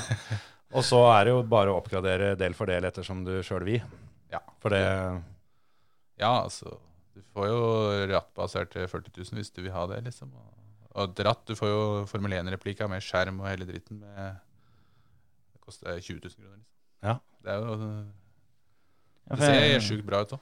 jeg er jo med på den Discord-serveren, Ja, ja, ja. og da det hender jo jeg popper inn og leser litt om folk som må bytte ut noen deler og sånt noe på pedaler og det er, eh, det er mye man kan begynne å plukke i hvis man eh, har lyst. ja. Og det har eksplodert de siste to åra, vil jeg si. Mm. Eller kanskje litt mer, da. Men Det det er, mange som det er vel bra kanskje litt sånn at du kan gjøre det så dyrt du bare har lyst. Ja, ja, ja, absolutt. Er vel- du, vil du ha en rigg til totalt 200 000, så er ikke det noe problem. Nei, nei, nei. Jeg mener jeg så en eh, artikkel i en eller annen avis om en, jeg tror det var en fyr borte i Bergen som hadde en rigg til en million. Ja, det kan hende. Det, det er ikke sikkert han kjører den fortere av den. Nei, det er helt Den sikkert. Men uh, hva, hva er planen videre nå? Når er neste simracing-runde? Ja, det er 22. mars, vel. Ja. Så eh, vi har allerede begynt eh, å varme opp. Hvor skal dere da? Suzuka, Japan. Ja. Oi, oi. Det er kul bane. Veldig. Er Det det, er det ikke den banen som er mest kjent for eh, heftig regnvær og en del Selv. spektakulære løp? Slipper i hvert fall regnværet. Det har, det har ikke kommet i Ausing. Er det ikke der? Nei. Det var litt trist. Ja, det kommer nok. Men Ja, det hadde vært kult. De er kjent for å være veldig hva skal man si, perfeksjonister på etimeter, disse som lager iRacing. Så det er ikke noe som blir halvgjort. Nei, så hvis en først skal komme med, komme med regnoppsettet der, så skal det være ekte. Det skal være koda i noen år. Det kommer ikke før det er klart. Nei. Det er ikke noe sånn vi tester det litt, og så ser vi. Det er jo på en måte fint for dere som trener, da. Altså, da er det ett føre å trene på. Dere, dere slipper å Det å varierer måte vel litt på temperatur og sånn. Ja da. Det er ganske mye å si det. Det Mm. kan være flere sekunder på en runde. Ja, det, for det visste ikke jeg om. Nei. Og så jeg driver og dunka runder bare på bare startup-spillet, og sånn, og så fikk jeg vite at jeg måtte kjøre på helt gæren temperatur. Du mister jo masse tid på det. Ja, så du har eh, lufttemperatur, track-temperatur og vind og skylag og alt det spiller inn. Så, Dette her får ikke dere vite av før løpsdagen, eller? Når, dere- når dere Nei. kjører simracing Grand Prix-runder? Det er helt riktig. Eh, vi veit prekvalifiseringsværet. Ja. Det er satt. Så vi kan trene på det, da. Men så vet vi som regel datoen og klokkeslettet på løpet. Mm. Og da kan du liksom generere det sjøl, da. Du kan variere på skylag, ikke sant, men, Mm. eh, men det har, du har jo litt eh, mindre Ja. spekter. Og, Litt mer kvalifisert gjetning, i hvert Ja, fall, til ja. hva du ender opp med. Neste løpet er målet topp 10, da, eller? topp ti eh, må jo være målet, ja. Topp 5? Nei, ja. Pallen? Jeg har ikke satt meg noen mål, som jeg sa. Jeg fokuserer på det jeg skal gjøre, så får det bringe resultater. Det er vel eh, bare å satse på å banke tider eh, som er eh, opp mot uh, personlig-tida di, så kommer resten av seg sjøl. Jeg har jo en lagkamerat som jeg kan måle meg med. Mm. Da veit jeg hvor lysta ligger. Ikke sant? Da er det bare for å få kjørt fra han, da. Ja, Begynne der. Kan begynne med det. Nei, men Jeg tror vi sier eh, takk for praten og lykke til med, med både Simracing Grand Prix og, og ellers annet. Så skal i hvert fall jeg følge med når, når sendinga er 22. mars. Takk for det.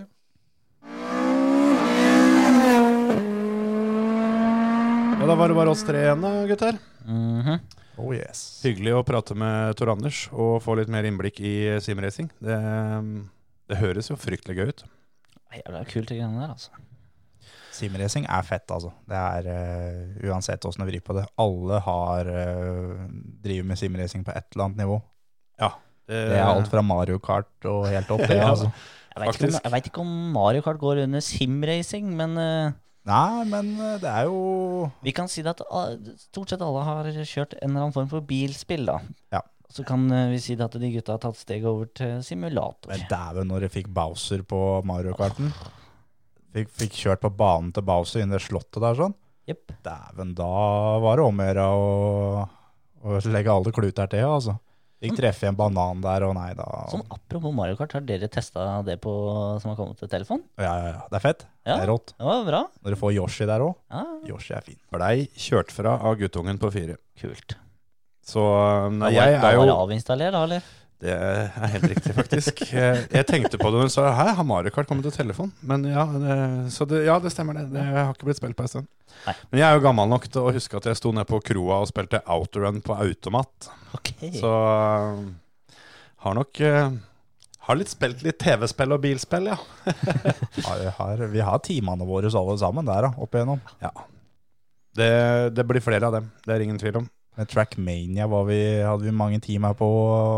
Ja, ja. Jeg syns jo det er litt artig at øh, du har fått droppa inn Live for Speed opptil flere ganger i dag. Det, Vi veit jo at det er øh, Altså, det har blitt øh, det har blitt etterspurt i kommentarfeltet vårt allerede, det der. Så Ja. Ja, Kanskje Trackmania, kanskje mer. Trackmania, dæven hakke og mye karakterer jeg har gått glipp av pga. Trackmania på skolen, altså. Mm. Og, det Live for Speed gjorde det ikke noe bedre. Nei. Nei, men uh, Trackmania-gutta er, er vi jo borti litt enda. Jeg spilte jo golf med en uh, god, gammel kjenning fra teamet vårt eh, her for litt siden. Ja, ja, ja. Og vi, Preben, for eksempel, er jo også en, en god kamerat uh, på ekte, som vi også eh, spilte Trackmania sammen med i samme team, uten at vi visste om det da, at vi skulle bli gode kamerater seinere om, om morgenen. Mm. Lite visste vi da at han skulle vinne den første runden i Fantasy VRC vår, som jeg satte opp heller. Ja. Sånn er det. Sånn er det. Men apropos uh, ting som vi har fått beskjed om i kommentarfeltet, så har jeg, uh, har jeg satt av litt tid den helga som var, for å se på noe jeg ikke hadde forestilt meg at jeg skulle bruke tid på. Nå er jeg spent. Jeg har sett på eh, Superbike, rett og slett. Et par, eh, par løp der. Eh, En eh, trofast lytter som insisterte på at dette måtte vi ha med. MotoGP. Rett og slett. Og jeg skal jo si at det første løpet der, det var jævla feite greier å se på. Når de derre stein hakke gærne idiotene ligger fire i bredda. Fy faen, det var litt rått. Men det er jo litt sånn med det, da, når du bruker halve hjernekapasiteten til å holde balansen, så blir det deretter. Det gjør jo på en måte det. Så jeg må dessverre skuffe alle som, øh, som retta seg i ryggen nå og tenkte å dæven, endelig får vi nå skal de guttene her virkelig snakke om uh... Nå blir det MotoGP og full fest framover. Sorry, Mac, altså. blir ikke det. Det gjør ikke det, dessverre. Det, det var fett å se på, men eh, når bakgrunnskunnskapen eh, er eh, så slett som den dessverre er for min del, så er det ikke så veldig enkelt å få den ut av det. Og vi har dessverre nok med firehjul, og kommer til å konse på det, altså. Vi snakka om det før, uh, før helga, som vi spurte hverandre har dere noe peiling om uh, MotoGP og sånn. Og alle var på det nivået at uh, jeg tror kanskje Valentino Rossi kjører fortsatt. Det, Det har vi funnet ut nå, det, det gjør han jo ikke. Nei, det gjør han ikke. hvis vi skulle nevnt uh, en fører på tur eh, som kjører MotoGP, så hadde førstemann vunnet, for andremann hadde ikke hatt noe. Det er helt riktig. Altså, jeg veit fortsatt ikke om noen Andre enn Valentino Rossi? Nei. Nå har jeg sett to løp, og jeg gjør heller ikke det. Nei. Det var en som het Ray, som var eh, jævla flink, og det sa jeg også at han der, han tror jeg kan bli noe. Så fikk jeg til svar at ja, han er regjerende firedobbel verdensmester, så han er allerede litt flink. Ja. Men visstnok da litt kjedelig kjørestil. Litt sånn eh, traust som uh, får jobben gjort, men uh, ikke Safe. Han var Men- altså motorsykkelens svar på Tommy Mekken. Ja, jeg hadde tenkt å si Sebastian Løb når han eh, kjørte rally. Men hvis det er noen som har lyst på noe jævlig fett å se på på YouTube, så er det i hvert fall å søke opp MotoGP på regn. For det Hvis du, men, hvis du trodde de var gærne når de kjørte på tørt, Ja, det, Det kan jeg godt tenke meg. når de kjører på regn. Jeg må jo si at det. Det, det var jo god underholdning å, Ja. å se på de her eh, gærningene når de ligger sidelengs ned asfalten i altfor uh, høy, høy fart, og så Mhm. begynner de å knuffe på hverandre. Ja. Og hvis de gjør det på regnvær i tillegg. Eh, så ja, jeg, eh, jeg skal eh, takke for eh, at jeg blei pusha til å se på dette, for det var, det var gøy å se på. Mm. Men jeg må dessverre eh, avslå tilbudet om å følge sesongen. Ja, det er liksom det, det er noe med det derre når du ikke veit helt hvor vanskelig ting er, og det ser så annerledes ut for de som ser på, og når du ikke har noe bakgrunnskunnskap om hvor vanskelig den forbikjøringa der er, eller om det er sånn de skal kjøre når de kjører forbi der, eller Mm. lønner det seg liksom å holde, pushe rundt ytteren der, bare sånne småting da, ødelegger for at det Ja. ikke er så enkelt da, å forstå, fordi all motorsport er vanskelig å forstå Ja, ja, ja, absolutt. alt av taktikk og måten du kjører på alt sånt. Og det er sikkert million ting å sette seg inn i MotoGP. Ja, ja, garantert. Det er jo fryktelig stort og veldig populært. Mm. Jeg tror vel de har en, eh, en eh, fanbase som bortimot matcher Formel 1. Ja, bare se, ja, bare se på Valentino Rossi, da. Ja, ja, ja, ja, for all del. Ja, Til og med vi liksom- tre kjøtthunder veit hvem han er, så ja, men Han var jo umulig å unngå Ja. å få med seg. Ja. Du bodde jo under en stein hvis ikke du visste hvem eh, 46 var. The Doctor. Ikke sant? Det var jo helt utrolig. Men så er det jo også sånn at det er jo ikke sånn at det blir ikke så veldig mange helger eh, framover hvor vi kommer til å mangle ting å se på. Nei. Det skjer nok. Oi, ja, ja, ja. Allerede til helga, er det noe som skjer da? Eller har vi, har vi noe så sjeldent som er litt rolig helg, siden vi nevnte det? Eh, Ja, til helga så er det vel for så vidt rolig, vel? Ja. Helga etter så er det Formel 1 og VRC. Ja. Mm. Da begynner det å snøre seg litt. Da begynner det å bli litt eh, snadder i posene, altså, for da er det begge to. Formel 1-guttene har jo vært og testa seg ferdig nå. Mm. Er det noe kult å ta med seg fra det, eller? Williams er ikke bakerst. Ohoi! Nå må du trykke på applausknappen her, altså. For det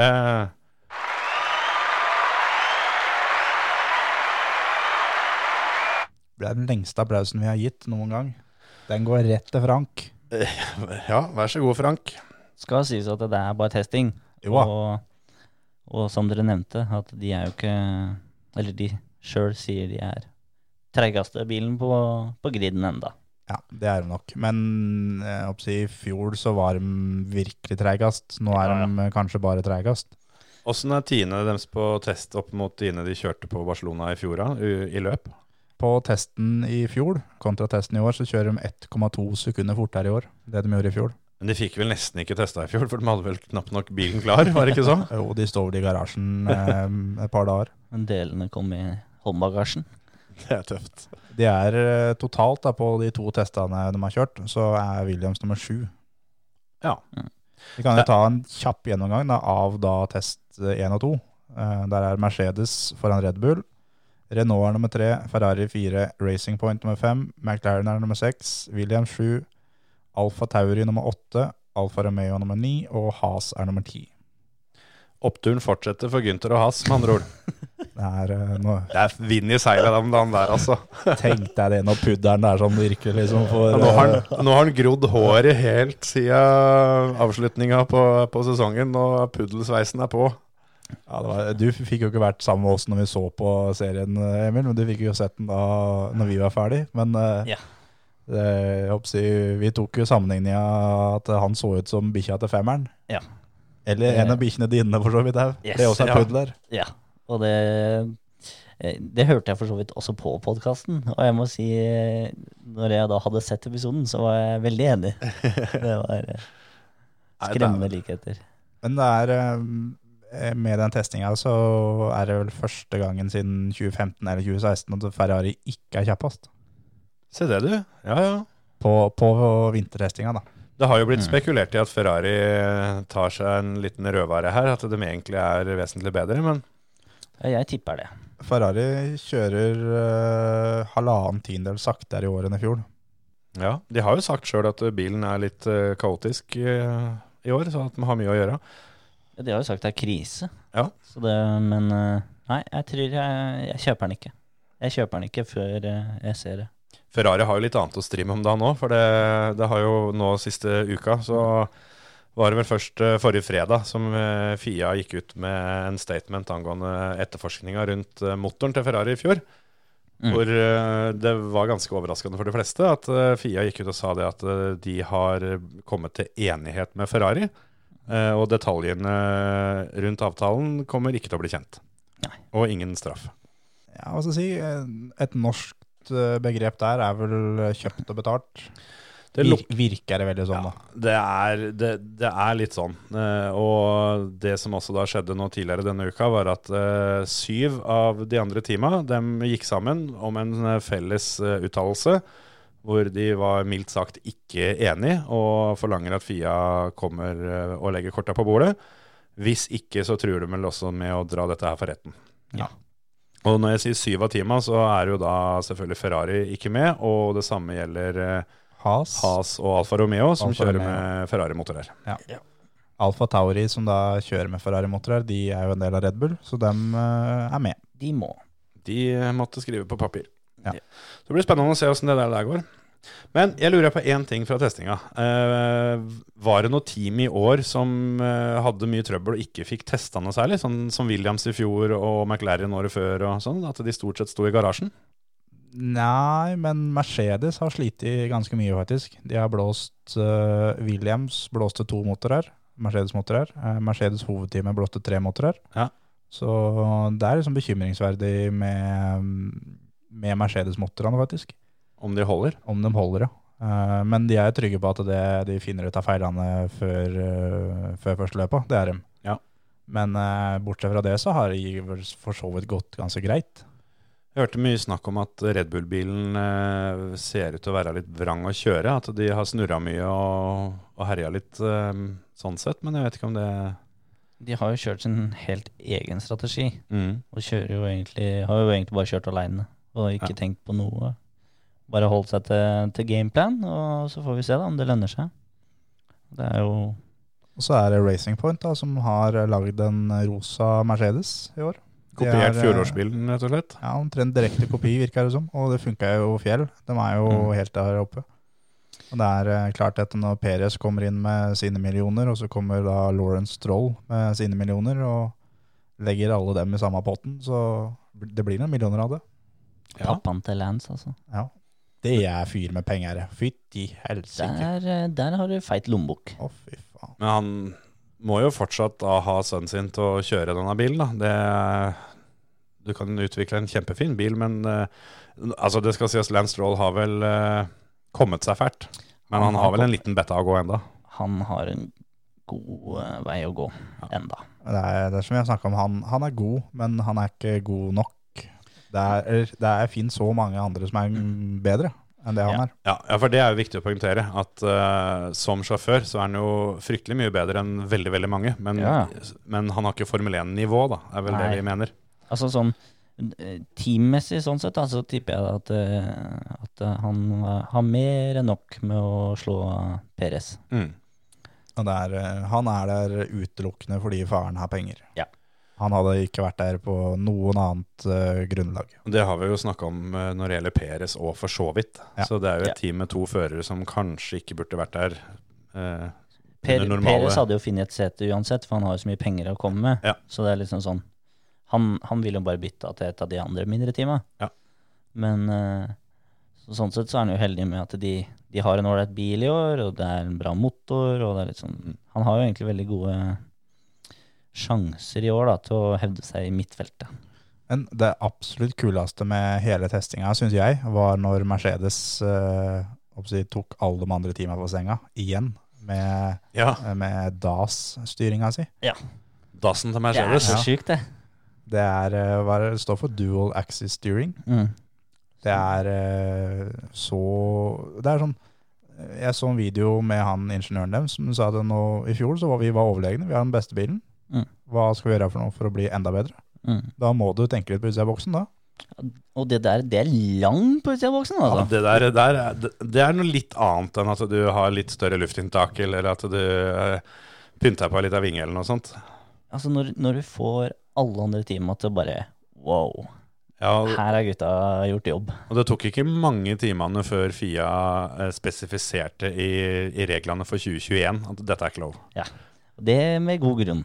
ja, Og så, og så var det litt sånn Ferrari kom over på banen og sa nei, det greiene der sånn tenkte vi på for mange år siden. Det tror jeg null prosent på, altså. Bullshit. Ja, vi tenkte på det før og for i 20, 2010, men nei, nei, vi gadd ikke. Det tror jeg ikke noe på. Nei, det, er, det er så løgn. Det kan nok hende at det var en eller annen ingeniør som nevnte det en eller annen gang, men at de har eh, aktivt uh, utreda muligheten og sett på det, det tror ikke jeg heller på. Men Nei. at det kanskje har vært en, en versjon av ideen som har blitt tatt opp i et eller annet møte, eller eh, en tegning fra en eller annen ingeniør, så kan det nok hende han fikk beskjed om å legge fra seg spriten og komme seg på jobb. Ja. Det er, for, for hele greia er jo at de eh, førerne drar rattet til seg, og da endrer de på toe in, toe out, altså Mm. spissinga på framhjula. Mm. Eh, som gjør da at da går eh, framhjula mer rett fram, så det går fortere på, på slettene. Mm. Eh, når de da bremser, så skyver de rattet fram igjen. Det gjør at da har de mer grep i svingene. Mm. Det er jo et helt genialt system. Det er jo Ja. perfekt. Og, og det er sånn når marginene er sånn som de er, så hvis de tjener eh, halvannen kilometer på enden av sletta, Mm. så er det så verdt det, det. Det er verdt det. Altså, var vel to av Mercedes sine s- eh, utfordringer i fjor eh, gikk vel på farta rett fram og, eh, og varme i dekka. Mm. Og det greiene her sånn eh, kan vel fort vekk fikse begge deler. For det er jo også litt sånn at hvis eh, framhjula blir altfor varme, så Mm. kan de da også da kjøre med rattet tilbake igjen. Eh, fjerne toe out, eller toe in, og kjøre ned framhjula på den måten. Ja. Istedenfor å måtte Ja. Mm. Den- Istedenfor å kjøre roligere. Så Ja. vi på en måte oppstøtet på bilen eh, Ja, men det, de, de kommer til å slippe å måtte, måtte gi luka til han foran Ja. for å kjøle ned dekka. Ja, for Det det er jo er jo det vi har svært. sett før, at de, det hender førerne får beskjed om det. At nå, nå må du passe på temperaturen, så du må, du må slippe deg noen meter bak. Mm. Da er jo litt deiligere å kanskje kunne Det- det er- banke forbi en fyr samtidig som du kjører deg vekk, liksom. Det er fader meg en vond beskjed å få, altså når du ligger der og jager og tenker at Mm. nå i, i sving nummer sju, da skal, jeg, da skal han foran faen meg få kjenne det. Få det på øra, nei, men du må slippe deg tilbake et par sekunder, for det, du må kjøre ned bilen. Ja, hvis ikke du brenner opp dekka dine, liksom. Ja. Det, det er sånn som mange ikke tenker på, det at, eh, at, at man ser det på TV, og, og ikke alltid blir kommentert, spesielt ikke alltid hos de norske da, kommentatorene, at, det, at den, den luka er strategisk. Det er for Mm. at den, den, ja, den gir dem en ulempe kanskje i tre-fire runder maks, Mm. med at de slipper opp den luka. Men det gjør også sånn at du får roa ned bilen, du får roa ned varmen, og alt sånn at dekka holder de siste sju rundene yep. som avgjør pl Mm. plasseringa di. For kommer du de siste sju rundene og har helt ødelagt dekk, eller bare tre siste rundene, Ja, ja, det holder. er, det. det- kan bare, da sitter du på i bilen. Du ser jo veldig ofte det, at eh, de guttene som når de tetter luka opp foran, og hvis de kjører en runde, kanskje to, da, uten å komme seg forbi, så slipper de seg bak. Og det, det er en sånn kunnskap som jeg gjerne skulle ønske at norske kommentatorer eh, hadde litt mer av. For det er sånn, Mm. hvis en da ser på de samme løpa med eh, engelsk kommentator, så Mm. er det informasjon man får beskjed om der og da. Ja, og det, men ikke sant, alt, alt er strategier. Det er pitstop-strategier. Det er liksom de som veit at de skal inn og bytte dekk, f.eks. De, de kan ta den sjansen og ligge der eh, kanskje en runde ekstra, som gir de muligheten til å kanskje kjøre forbi. Mm. Men da veit de det at ja, da må de fighte kanskje de to siste rundene før de skal inn i pit og bytte dekk, f.eks., eksempel med å holde igjen, og, og det er dårlig grep og sånn. Men det, det er ikke alle som ser det. Når eh, Eller ikke når, men hvem tror vi byr på den største overraskelsen når eh, startskuddet går i Australia? Eh, Renault. Jeg håper Renault. Jeg syns eh, Renault har sett veldig bra på testing. Altså, altså, De og Racing Point, for så vidt. Racing Point også har vært bra, men det skulle nesten bare mangle. Ja, men igjen, da, så er det jo De veit jo at kampen deres er i midtfeltet. Mm. Det er liksom om å gjøre å være først i midtfeltet. Og det samme gjelder jo egentlig Renault, selv om de sjøl mener de er topp tre-team.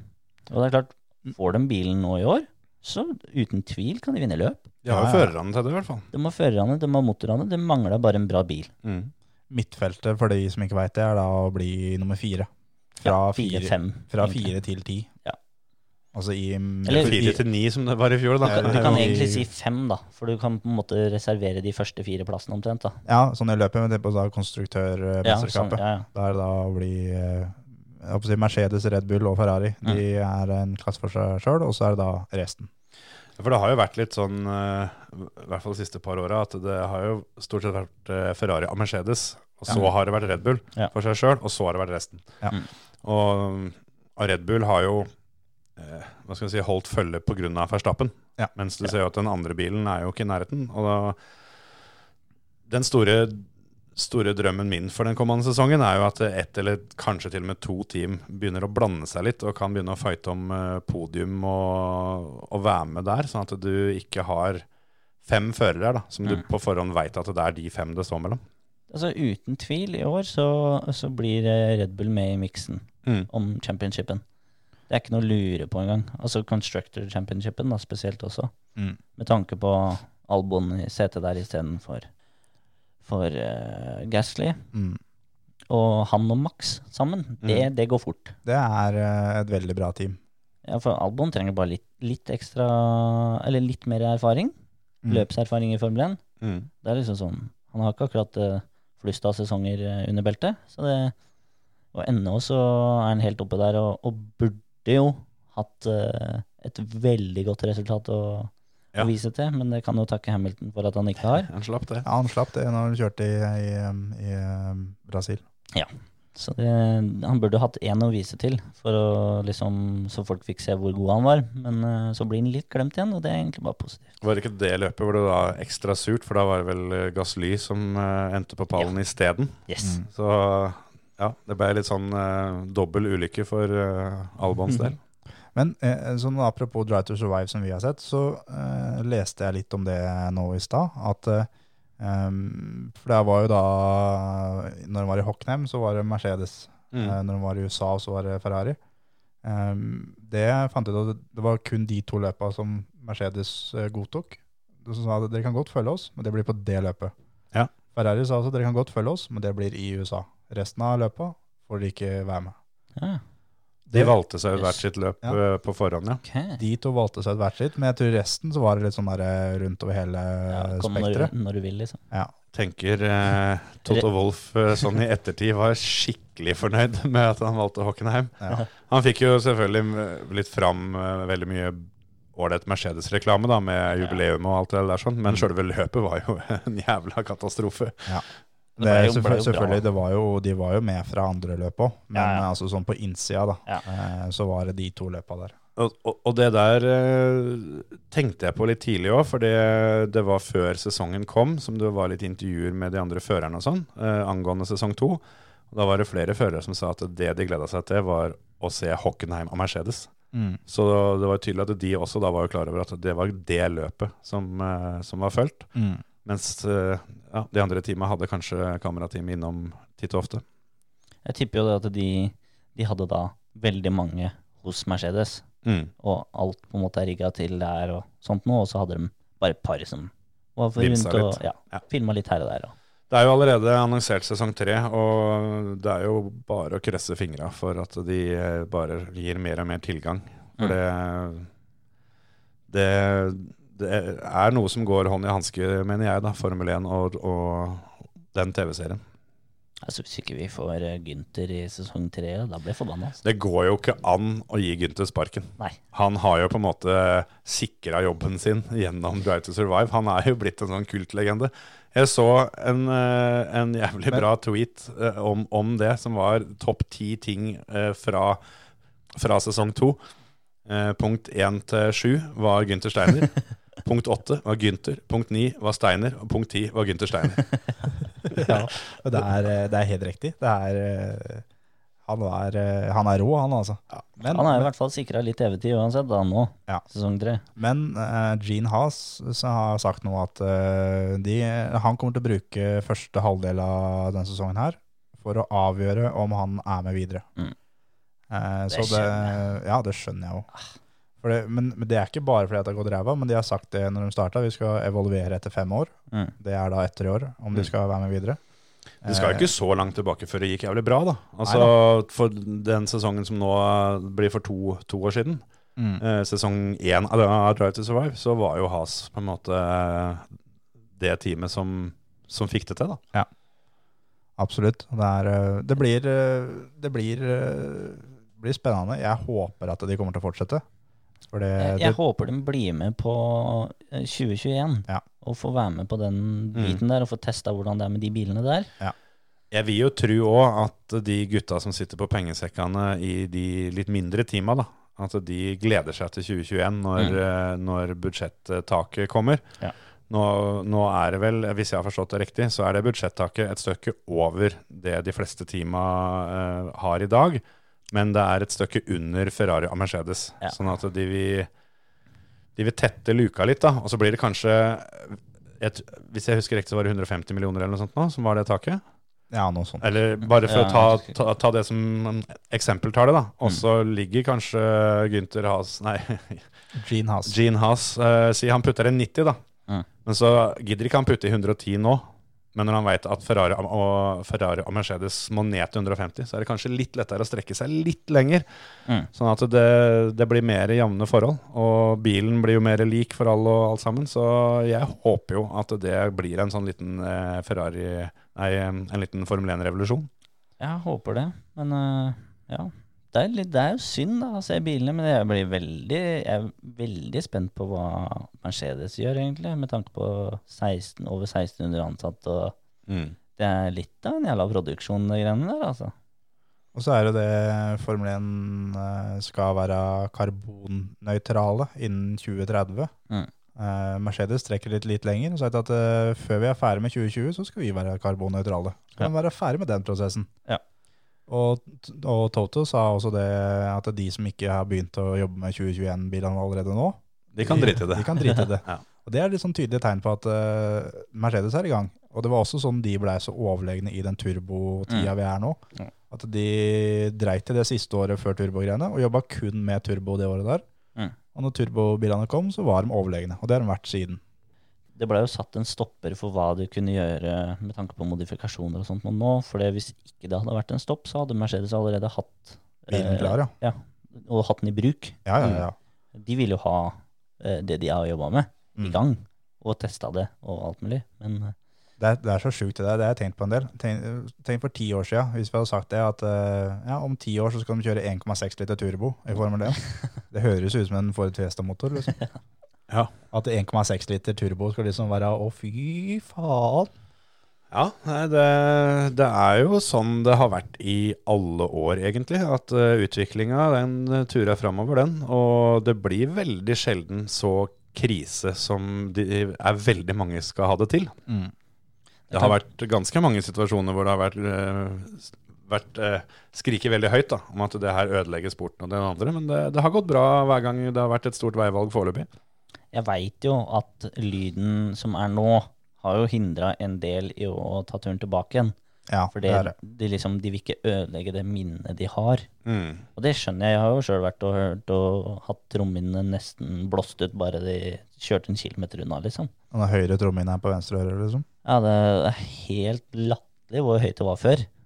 Jeg har hørt snakk om det der, jeg òg. Jeg har jo ikke vært på løpet uh, sjøl, men eh, jeg husker en kompis som meg fortalte det. Han har vært på Silverstone, og som han sa, det, det trøkket han hadde i, i på en måte sjøle brøstkassa da, Mm. når bilene kjørte forbi, Ja. det var så sjukt. Det syke er når du står Altså, vi sto jo på, på, på Imola der med, med tribunen som da eh, er et godt stykke bak fra startplata. Mm. Mm, Og på sida, riktignok. Det var ikke sånn at vi sto med, med eksosen i fleisen. Men når de da kjører av gårde, og de girer, og det smeller i kassa di, Ja. det er rått. Det, den, den, vil jo ikke, altså den vil jo faktisk få litt nå. Det er jo ikke sånn at det ikke er lyd, for all del. Det- det fint det- dratt og sett på noe. Det bråka jo for all del. Ja. Det er, eh, jeg har foreslått ideen, jeg, at vi skal ha personalmøte i konsernet på Ja, et Formel 1-løp i år. jeg, tror vi, tror vi må det, altså. For nå har vi blitt uh, mediekonsern, i og med at vi har fått Drive to Survive for tida. Ja, og ja, ja, ja. Det er mye som Det baller på seg, det greiene her nå, skjønner du. Oi, ja, ja, ja. Vi, får- vi får sende en melding til Max, og så får vi høre om ikke det er mulig å få noe backstage eh, passes her på et eller annet løp. Ja, det er, Litt av svipptur til Monaco på vårparten. eh. Jeg, jeg tipper at det er kanskje det løpet han får mest forespørsler om. Ja, det tror jeg også er det antageligvis det løpet hvor lommepengene går fortest. Det gjør også. hvis vi da hadde hatt med deg, da, som er pokerspiller nede der, sånn, det, vi hadde jo kunne bare glemt alt som het uh, Jeg hadde hatt vårt vårt eget team før vi reiste hjem. Ah, fy Altså, faen. Både Det jeg er, det er og ikke gambling hvis, du- hvis du veit at du vinner. Nei, så vi får vel finne et annet løp, for det, jeg veit jo både, både du og jeg har jo vært i Monaco. Ja. Og det er jo Jeg har faktisk til og med vært der uh, samtidig som Formel 1-tima. Ja, det har ikke jeg. Jeg uh, fikk sett bitte lite grann historisk Grand Prix uh, som var i dagene i forkant, før jeg måtte reise hjem.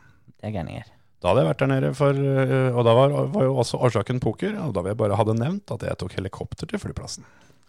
Jeg, jeg skulle til å si at det er, det er desidert det dyreste stedet jeg har vært noensinne.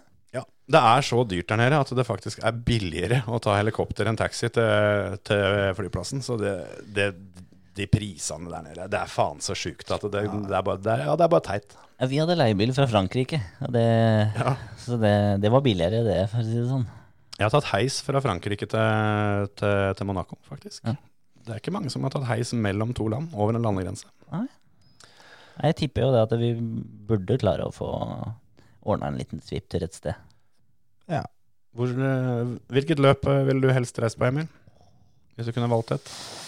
Altså Hvis du ser bort ifra det at det er eh, Altså, jeg tenker sånn, sånn, liksom? Ja, jeg tenker på sånn Formel 1-opplevelsen. Eh, Det jo hadde selvfølgelig vært fett å dra til Brasil og ligge på Ja, stranda og kose seg dagen før løpet, men hvis du bare, bare tenker løpet i seg sjøl altså Jeg har jo ikke vært på Monaco, sånn eh, det er jo en ting jeg må krysse av lista en eller annen gang.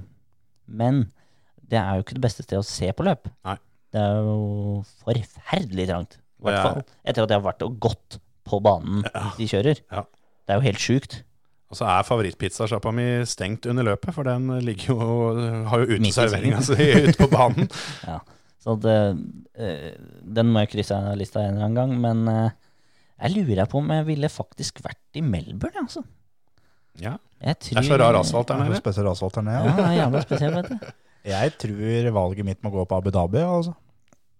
Den banen har jeg òg vært på, men ikke når det var løp. Eh, Samme her. Jeg også dro hjem dagen før. Det er så jævla mye blåfarve rundt omkring på den banen. Jeg blir helt sånn forstyrra å se. Hvis jeg kan få Hockenheim på regn, da vil jeg dit. Ja, kun på rein. Solgt. Jeg Men det er, jo, det er jo mye kult. da Silverstone er fett, Ja. Hockenheim er kult, Mons er fett. Ja, Jeg vil komme med en litt sånn utradisjonell en. For det Jeg syns løpet i Østerrike i fjor var så ja, jævla det, fett. Det var kult. Eh, Så det løpet var så fett at hvis jeg kunne fått noe lignende, så hadde det vært bra. Men eh, jeg vet ikke om Jeg- Red jeg- Bull Ring er det som egentlig trekker mest. Men eh, ja. Men eh, jeg, jeg tror det er fett å sitte i andre svingen på Red Bull Ring. For der skjer Ja, det alltid det. noe. Mm. Da har du jeg å si, sletta som kommer mot deg, og så har du en 90 eller 100 graders sving. Mm. Jeg, jeg, jeg tror jo altså både å kunne gå f.eks. sånn som trening i 10 km eller noe sånt noe på Melbourne og sjikana der, og få med seg det, tror jeg er jævlig fett. Og ja, første andre sving, kanskje. Mm. Der, der skjer jo en del. Det er, eh, det er helt avhengig av hvor du sitter hen, hvor du Ja, har plasser. ja, det er sånn som i Abu Dhabi, da, hvis du får eh, håper publikumsplass på Langsletta, så er det ikke Nei. det er ikke noe å kaste ræva i veggene for, de greiene der. Ja, Det, Nei, det er jo så jævla kult. Og det er egentlig baner. alle baner, egentlig. Jeg tenkte akkurat på det at uh, jeg skulle ikke vært så jævla kresen. Nei. Hvis jeg hadde fått muligheten, så tror jeg ikke jeg hadde sagt at du, det blir ikke noe av, for jeg skal på et annet- løp. Vi kan jo ta til alle som hører på, og kan kommentere under. Hvilket Formel 1-løp vil dere helst dratt på, Mm. og hvorfor? Hvem sving vil du sitte i? Og hvis jeg tar eurojackpoten uh, i morgen, så trekker jeg ut to av dere og sender dere på løp. Dæven. Det skal jeg òg. Førstepremien, altså. Vel å merke. Hvis jeg får den femtelappen, så Ja. beholder jeg den sjøl. Ja, det skal sies. Hvis jeg, hvis jeg tar hele potten, da, da skal noen få lov å dra på tur. Fytti helsike, da skal Malcolm Wilson bare ha på, ha på telefonen, altså, for da skal kjøre så VRC. Jeg skal, jeg skal si det sånn at Hvis jeg tar hele den potten, så skal jeg på hvert jævla løp som er framover. Ja, det er muligheter for det. Da skal jeg ha så backstage-pass at, at Louis Hamilton føler seg utafor. Jeg skal kjøre scooteren til Hamilton i paddocken. Han, han skal sykle tuk-tuken min. Men ja, det er vel ikke akkurat uh, så inn i helvete mye penger. Jeg tipper han tjener mer på et år enn det den der potten er uh, ganske lett. Så Han tjener Altså, minste han tjener, er jo 500 mill. på fem år, da. ja, da må vi få et par ukers jack, jackpot uh, før vi er oppe av det. Det er, det er bare Det er reine teampenger. Ja. Det er ingen eh, ekstradealer. Men skal vi um, Er det noe mer som har skjedd, da? I det siste? Er det noe nytt i VRC? Er det noe nytt i gokartverden? Jeg fikk jo ikke, fikk jo ikke prata noe om at jeg var og kjørte Numedalsrally, da. Men eh, det burde jeg prate om forrige uke, så det kan vi egentlig bare drite i. Det, Men- jo, vi kan jo ta med det. At det var folk som viste ræva til dere. Ja, ja Dæven! Det der, der Men det, det som også var, det var to damer. Var det to damer Det var et par frøkens som var ute og vifta med svans, og det med kjentfolk? Men, urutinert som Kjetil var, så Nei. hadde han ikke på kamera. nei, men det som var tingen, var at eh, Kjetil. SS2 blei jo stryket fordi det var en som hadde, hadde rulla en BMW innpå der og uh, hindra for mange biler, så de strøyk eh, prøva, og vi måtte kjøre gjennom rolig som eh, transportetappe. Så da hadde jo ikke jeg på kamera, selvfølgelig. Ja, men, Men, hadde du eh, telefon, har du ikke det? Gikk det så fort på den der eh, Nei, gjennomkjøringa? det er, det er en Ja, nei, altså men, eh, men, men det var i hvert fall gøy å se at det var eh, Nå kan jo hende dette gjaldt veldig mange andre biler òg, men veldig mange, nesten alle publikummerne eh, som sto innover der, de vinka til oss. Og så plutselig så var det et par damer som vifta med svansen eh, og, og vinka. Så jeg tipper at det var fordi at de hadde hørt på oss. Det er moro. Hvis, hvis dere som da blotta ræv eh, hører på denne podkasten, hadde vært veldig gøy om dere sendte en melding og, og fortalte om dette var planlagt pga. podkast. Det var også litt vifting eh, av svans med bukse på, da. Det skal også Ja, ok. sies. At, eh, men, men Det var jo snøstorm oppå der. altså Det hadde jo fått frostskader både her og der. hvis den hadde ja, ned. det hadde, den hadde blitt vond å tine. Men eh, et sted må vi begynne, føler jeg. Ja. Så nå er, er det Rally Sørland eh, første helga i mai som er neste sjanse. Så får vi se om sørlendingene er litt eh, mer eh, frilynte enn disse numedølingene. Da vil jeg helst uh, høre at noen har dratt helikopteret. Ja. Svarte det er, det er, Det er litt varmere været, da. At det, det kan hende vi to må dra ned dit, hjem, eller så må vi Må vi dra Altså, helikopteret? jeg, det, er sånn, det, er, da kjører jeg solopodkast uka etter, altså. det, sånn, tror jeg er et synd ikke, du- ikke du eh, glemmer med det første, hvis du, hvis du får sett broren din dra helikopteret.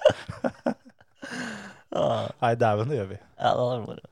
Ja, hvis dere har mulighet til å stå litt uh, ned veikanten nå, så skal vi se om ikke vi kan få tatt en Daniel Sordo på den der helikopterrotoren din, så skal vi se hvor gøy det er.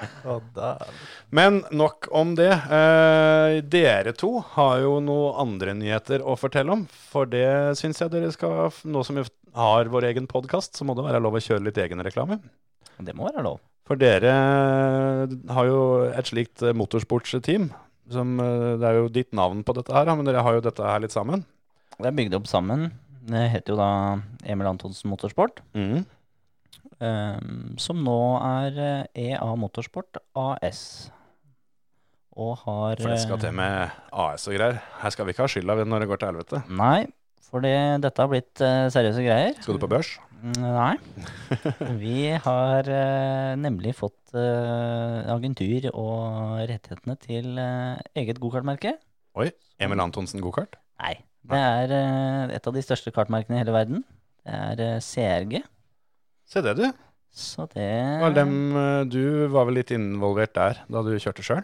Ja, jeg kjørte eh, CRG både i Tyskland og Italia. Så er det vel CRG som også lagde DR-kartene som du blei Jo, europamester det med? skal sies. Det er De som har vært eh, fabrikanten, da. Ja. Er, eh, Emil er fortsatt et såpass stort navn innafor hos CRG at vi har allerede dratt fordeler av det. Ja. Eh, fordi at det er eh, Emil Kartanes gate. Så Mm. har vi fått eh, litt leveringstid som har gått ned en god del måneder, faktisk. Fordi at det skal til Emil. Ja, så dere, dere har litt ekstra noe attåt å by på, litt ekstra service der. Det har vi. Mm. Og det er da for alle som driver med gokart, eller har lyst til å drive med gokart, så er det bare å ta kontakt med oss. Vi kan da tilby alt innafor gokart. Mm. Og vi har eh, en liten gokart som folk kan prøve, og vi har en stor gokart som folk kan prøve. Ja. Det, vi er villige til å reise rundt de fleste steder for at de skal få prøvd. Når blir første gokarten levert? Den er levert. Se det, du. Det går unna. Ja. Den blei levert til Gjøvik på søndags ettermiddag. Eh, under 24 timer etterpå eh, så fikk jeg da melding at nå er karten ferdigmontert. Tøft. Midt inni der så hadde den vært i et bursdag til en oldemødre og noe greier. Men det, Jeg syns det tok litt tid. Ja. Det var treige greier. så første karten er levert og er eh, grunnen klar. Så det er eh, Det blir gøy å se om det dukker opp en hel haug med CRG-kart her på gokartbaner i Norge 2020. Ja. Vi må jo håpe på det. Det, den har vært bra i alle år. Det er jo derfor det er et av de største merkene i hele verden. Ja. Det er, eh, den er bra, bra på alle sider av kloden, Mm. rett og slett. Og det Og det er eh, CRG har vært ganske lite i Norge, så det er fint for oss og kan ta over og bygge, opp, bygge det opp på nytt, på en måte. da. Tøft. har jo holdt det på Sørlandet, så da Vestlandet. ja. Vestlandet, unnskyld. Det er en gjeng med Ja. bergensere her som eh, også er faste lyttere av eh, denne podkasten, som Ja. eh, holder på. Hei, hei. Har dere sånn svært telt her, eller? Sånn at når folk er på gokartløp, så kan de se etter CRG-teltet, og så komme bort og prate litt? Vi har stort telt. Det har vi, vet du. Det er ikke noe kødd. Leiker ikke. Fader, eh, når, guttene, når gutta boysen her begynner med, med egen merke og sånn, vi kødder ikke, vi. Nå er det jo NM, altså NM i gokart i år er jo rett eh, bak åsen her. Ja. Og Det er eh, Holdt jeg på å si at det er en mongolid steinkast. Det er, er jo ikke lov å si lenger. Det men det er er litt, ikke det. litt dårlig steinkast. Du er ganske frisk i, eh, i klypa hvis du hever eh, stein fra Undrumsdal til Andebu. Jo, jo. Stein eh, jeg, Tar den på helvollen med helikopteret. jeg kjenner en som heter Stein. Han veier eh, antageligvis på gærne sida 100 kg, så hvis du skal heve han helt til Andebu, så blir det Da må du trene. Men det jeg tenkte på, nå som dere har eh, masse gokart her og alt det er sånn, og NM på hjemmebane og sånn, så må dere jo ha litt av et team. Og jeg regna jo med at eh, vi, vi i Føremøteredaksjonen skal kjøre NM. Med, med CRG-kart her nå. Det, er vel derfor dere har gjort dette? Skal du kjøre? Ja, det er, vel det som er årsaken til at dere har gjort dette her. Det er vel for at vi skal kose oss og ha det moro. Ja, men det er, jeg og Emil har jo da et team fra før med, Ja, men det er jo en hel haug med andre som kjører. med fem førere, så vi har jo ikke tid til å kjøre. Så da er det bare deg igjen da, som har tid til å kjøre det løpet der. Du tar den, du. Strak arm. Vi, Ja. vi stiller med kart, vi. Karten står klar, den. Kjøredressen har du. Ja. Kommenter i feltet om du Ja. vil at Kjetil skal Alle gjøre som vil at Kjetil skal kjøre NM gokart, de jeg må under. lære meg å passe munnen min. Dæven, dette Når er, det når er det løpet? det har, har jo det noe å si, da, for du er nødt til å være hjemme, du, da. Ja, det var det jeg tenkte. Det kan hende det er den helga Da tror jeg kanskje jeg må lade mobilen og klokka og passe på at uh, ikke terrassen detter ned. Og det, er, det er mye som skal gjøres. Katta må Altså. løftes og Ja, den, den klarer seg sjøl. Men eh, Det er i mai. ja, husker du datoen, eller? Er det så tidlig? NM helt i starten av året? Det er det. For Jeg hadde det- liksom tenkt at kanskje det var på høsten, så det gikk an å få, få Det har vært eh, 9. og 10. august vel hvert eneste år, men nå har de bytta. Ja, for det egentlig skulle vært på Rudskogen, men eh, Rudskogen måtte avlyse. Så da pga. koronavirus. Har ikke kommet til Andebu ennå. Nei, det har ikke kommet helt dit. Men det var pga. noen andre arrangementer eh, på Rudskogen, så det var ikke noe depotplass ledig. Så Ah. derfor så fikk eh, Andebu bare spørsmålet kan dere ta det i år. Ja. For de hadde det i fjor. Og svaret var da ja, selvfølgelig, det gjør vi. Tøft. Men eh, derfor så blir det da i mai, veldig tidlig. Hvis det er veldig tidlig i mai, så skal jo jeg kjøre Rally Sørland, som sagt. Det er etter Rally. Sørland, og det er ikke noe rally samtidig. Så dette her uh, Dette passer midt i kalenderen. Men Du skal få lov til å eh, låne ribeinsbeskytterne nå. Ja, det hadde vært fint. Uh, jeg Holdt på å si du kan låne min nå, men det, Den er jo formsydd. dette den er formstøpt. ja. Ja. Jeg kan vel i hvert fall si såpass at jeg slipper å ha på lodder. Det kan vi være helt, helt, helt sikre på. Har dere, har dere stoler som er størrelse oh, ja, yes. Ja, ja. Størrelse middels er de. det, det, er, altså, det er ikke noe kalv, dette her, for å si det sånn. Her er vi mer sånn flodhest. Uh... Ja, vi, er, eh, vi stola til alle, vi. Men siden du veit allerede nå at du skal kjøre NM i gokart, så er det bare for å begynne å trene. Joggetur i morgen klokka ni. ja, det er greit. Men uh, skal vi si det sånn, eller? Så da blir det NM i gokart. da. Dæven. Jeg skal kjøre NM i gokart, og Emil skal kjøre NM i simracing. Vi har fått banka inn mye i denne episoden her. Nå må vi, vet du hva, Emil? Nå må vi finne på noe som Terje skal gjøre før neste episode. det blir jo NM Ja, det- i dvergkasting. Da. Ta deg sjøl i nakken og hev deg av gårde. Så langt Det er, ikke, det er ikke lov å si dvergkasting lenger. Du må si kortvoksktkasting. Du, ja, eller uh, Jeg føler det at nå har jeg sagt veldig mye som ikke er lov å si. da. vertikalt utfordra Ja, nei, vi får klippe bort dette greiene her. Men uh, dere kan kommentere uh, i, i kommentarfeltet om dere har noen forslag til ting vi kan Eller Som Terje kan gjøre. ja, det må jo være NM, da. Ja, det er jo der vi har lagt, ja. uh, lagt lista. Så et eller annet NM-opplegg som vi kan uh, få putta Terje. Så må vi Det må være noe som er åpent, da. Jeg, sånn jeg der- gidder ikke å dra til Volda og spytte sånn druesteiner, altså. Men du er jo litt skranten i beinet ditt, så, ja, så på en måte Det er utelukka med sånn NM Du kan ikke springe mot uh, Jakob Ingebrigtsen på 1500-meteren, liksom. Nei. Det, det gidder vi ikke. Sjøl om forholdet der er omtrent det samme som meg i gokart-NM. Ja, det er for så vidt det. Men uh, nei, jeg har et skada bein, så jeg må ha noe som er forholdsvis uh, rolig. Bear pong. Dæven, da skulle de få kjørt seg. Da må du ha team. Da, det kan vi ikke gi oss ut på. Nei, vi er jo tross alt toppidrettsutøvere. Det her stiller jo for faen før jeg vet det. Ender i beer pong. Vet du hva? Jeg tror at vi hadde fått grisedeng. Ja, ja, ja. Men Det er så ingen gøy det hadde vært. Ja, det hadde sikkert vært Det er en eh, god kompis av meg som har arrangert NM i caps, som er en, eh, en eh, sånn miniversjon av bear pong, hvor du, har, hvor du sitter, sitter på bakken med en kopp som du har mellom beina, på en måte, og så skal du hive ølkorker oppi kåpen den andre. Så det fungerer på samme måten. Det, jeg kan høre med han om han skal sette opp NM i åra, så kan vi få sendt deg inn der. Fett. Jeg er med. Jeg er klar. Da kan du sitte. Ja, Det er ja, fint, ja, det er perfekt. Og drikke øl. Oi, oi, oi. Ok, så da kjører du NM i gokart. Jeg kjører en NM-runde i Simracing. Det er hele høstsesongen. Det er ikke noe leik. Ok, så eh, skal du kjøre norgescup i kart òg, da, eller? Faen, det var det. Du har det å passe kjeften igjen, da. Ja. Men uh, Terje, da. Det lar vi, det lar vi litt Ja, bestemme. vi må få noen Jeg- gode innspill her. Jeg er åpen. ja, det er greit. Men uh, har vi Gjerne noe motorrelatert, da. Det Ja, hadde ja vært det, det hadde vært gøy, det. Ja.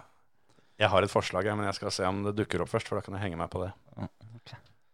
Skal vi uh, si at uh, det var det? Jeg føler at vi, vi har vel satt oss sjøl i en fin posisjon til å runde av. Han kom, han ble svett, og det var det? Skal ikke rygge, jeg. Så. At, at jeg skal rygge? Jeg skal ikke rygge, jeg. Husk å melde dere på uh, Dirtligaen vår. Dere hører hvordan litt tidligere i episoden. Og sette opp uh, fantasylag til VR-sesong, selv om det kommer vi til å prate om neste uke. Så kom dere inn på Dirt. Det begynner til mandag. Takk for i dag. Ha det bra.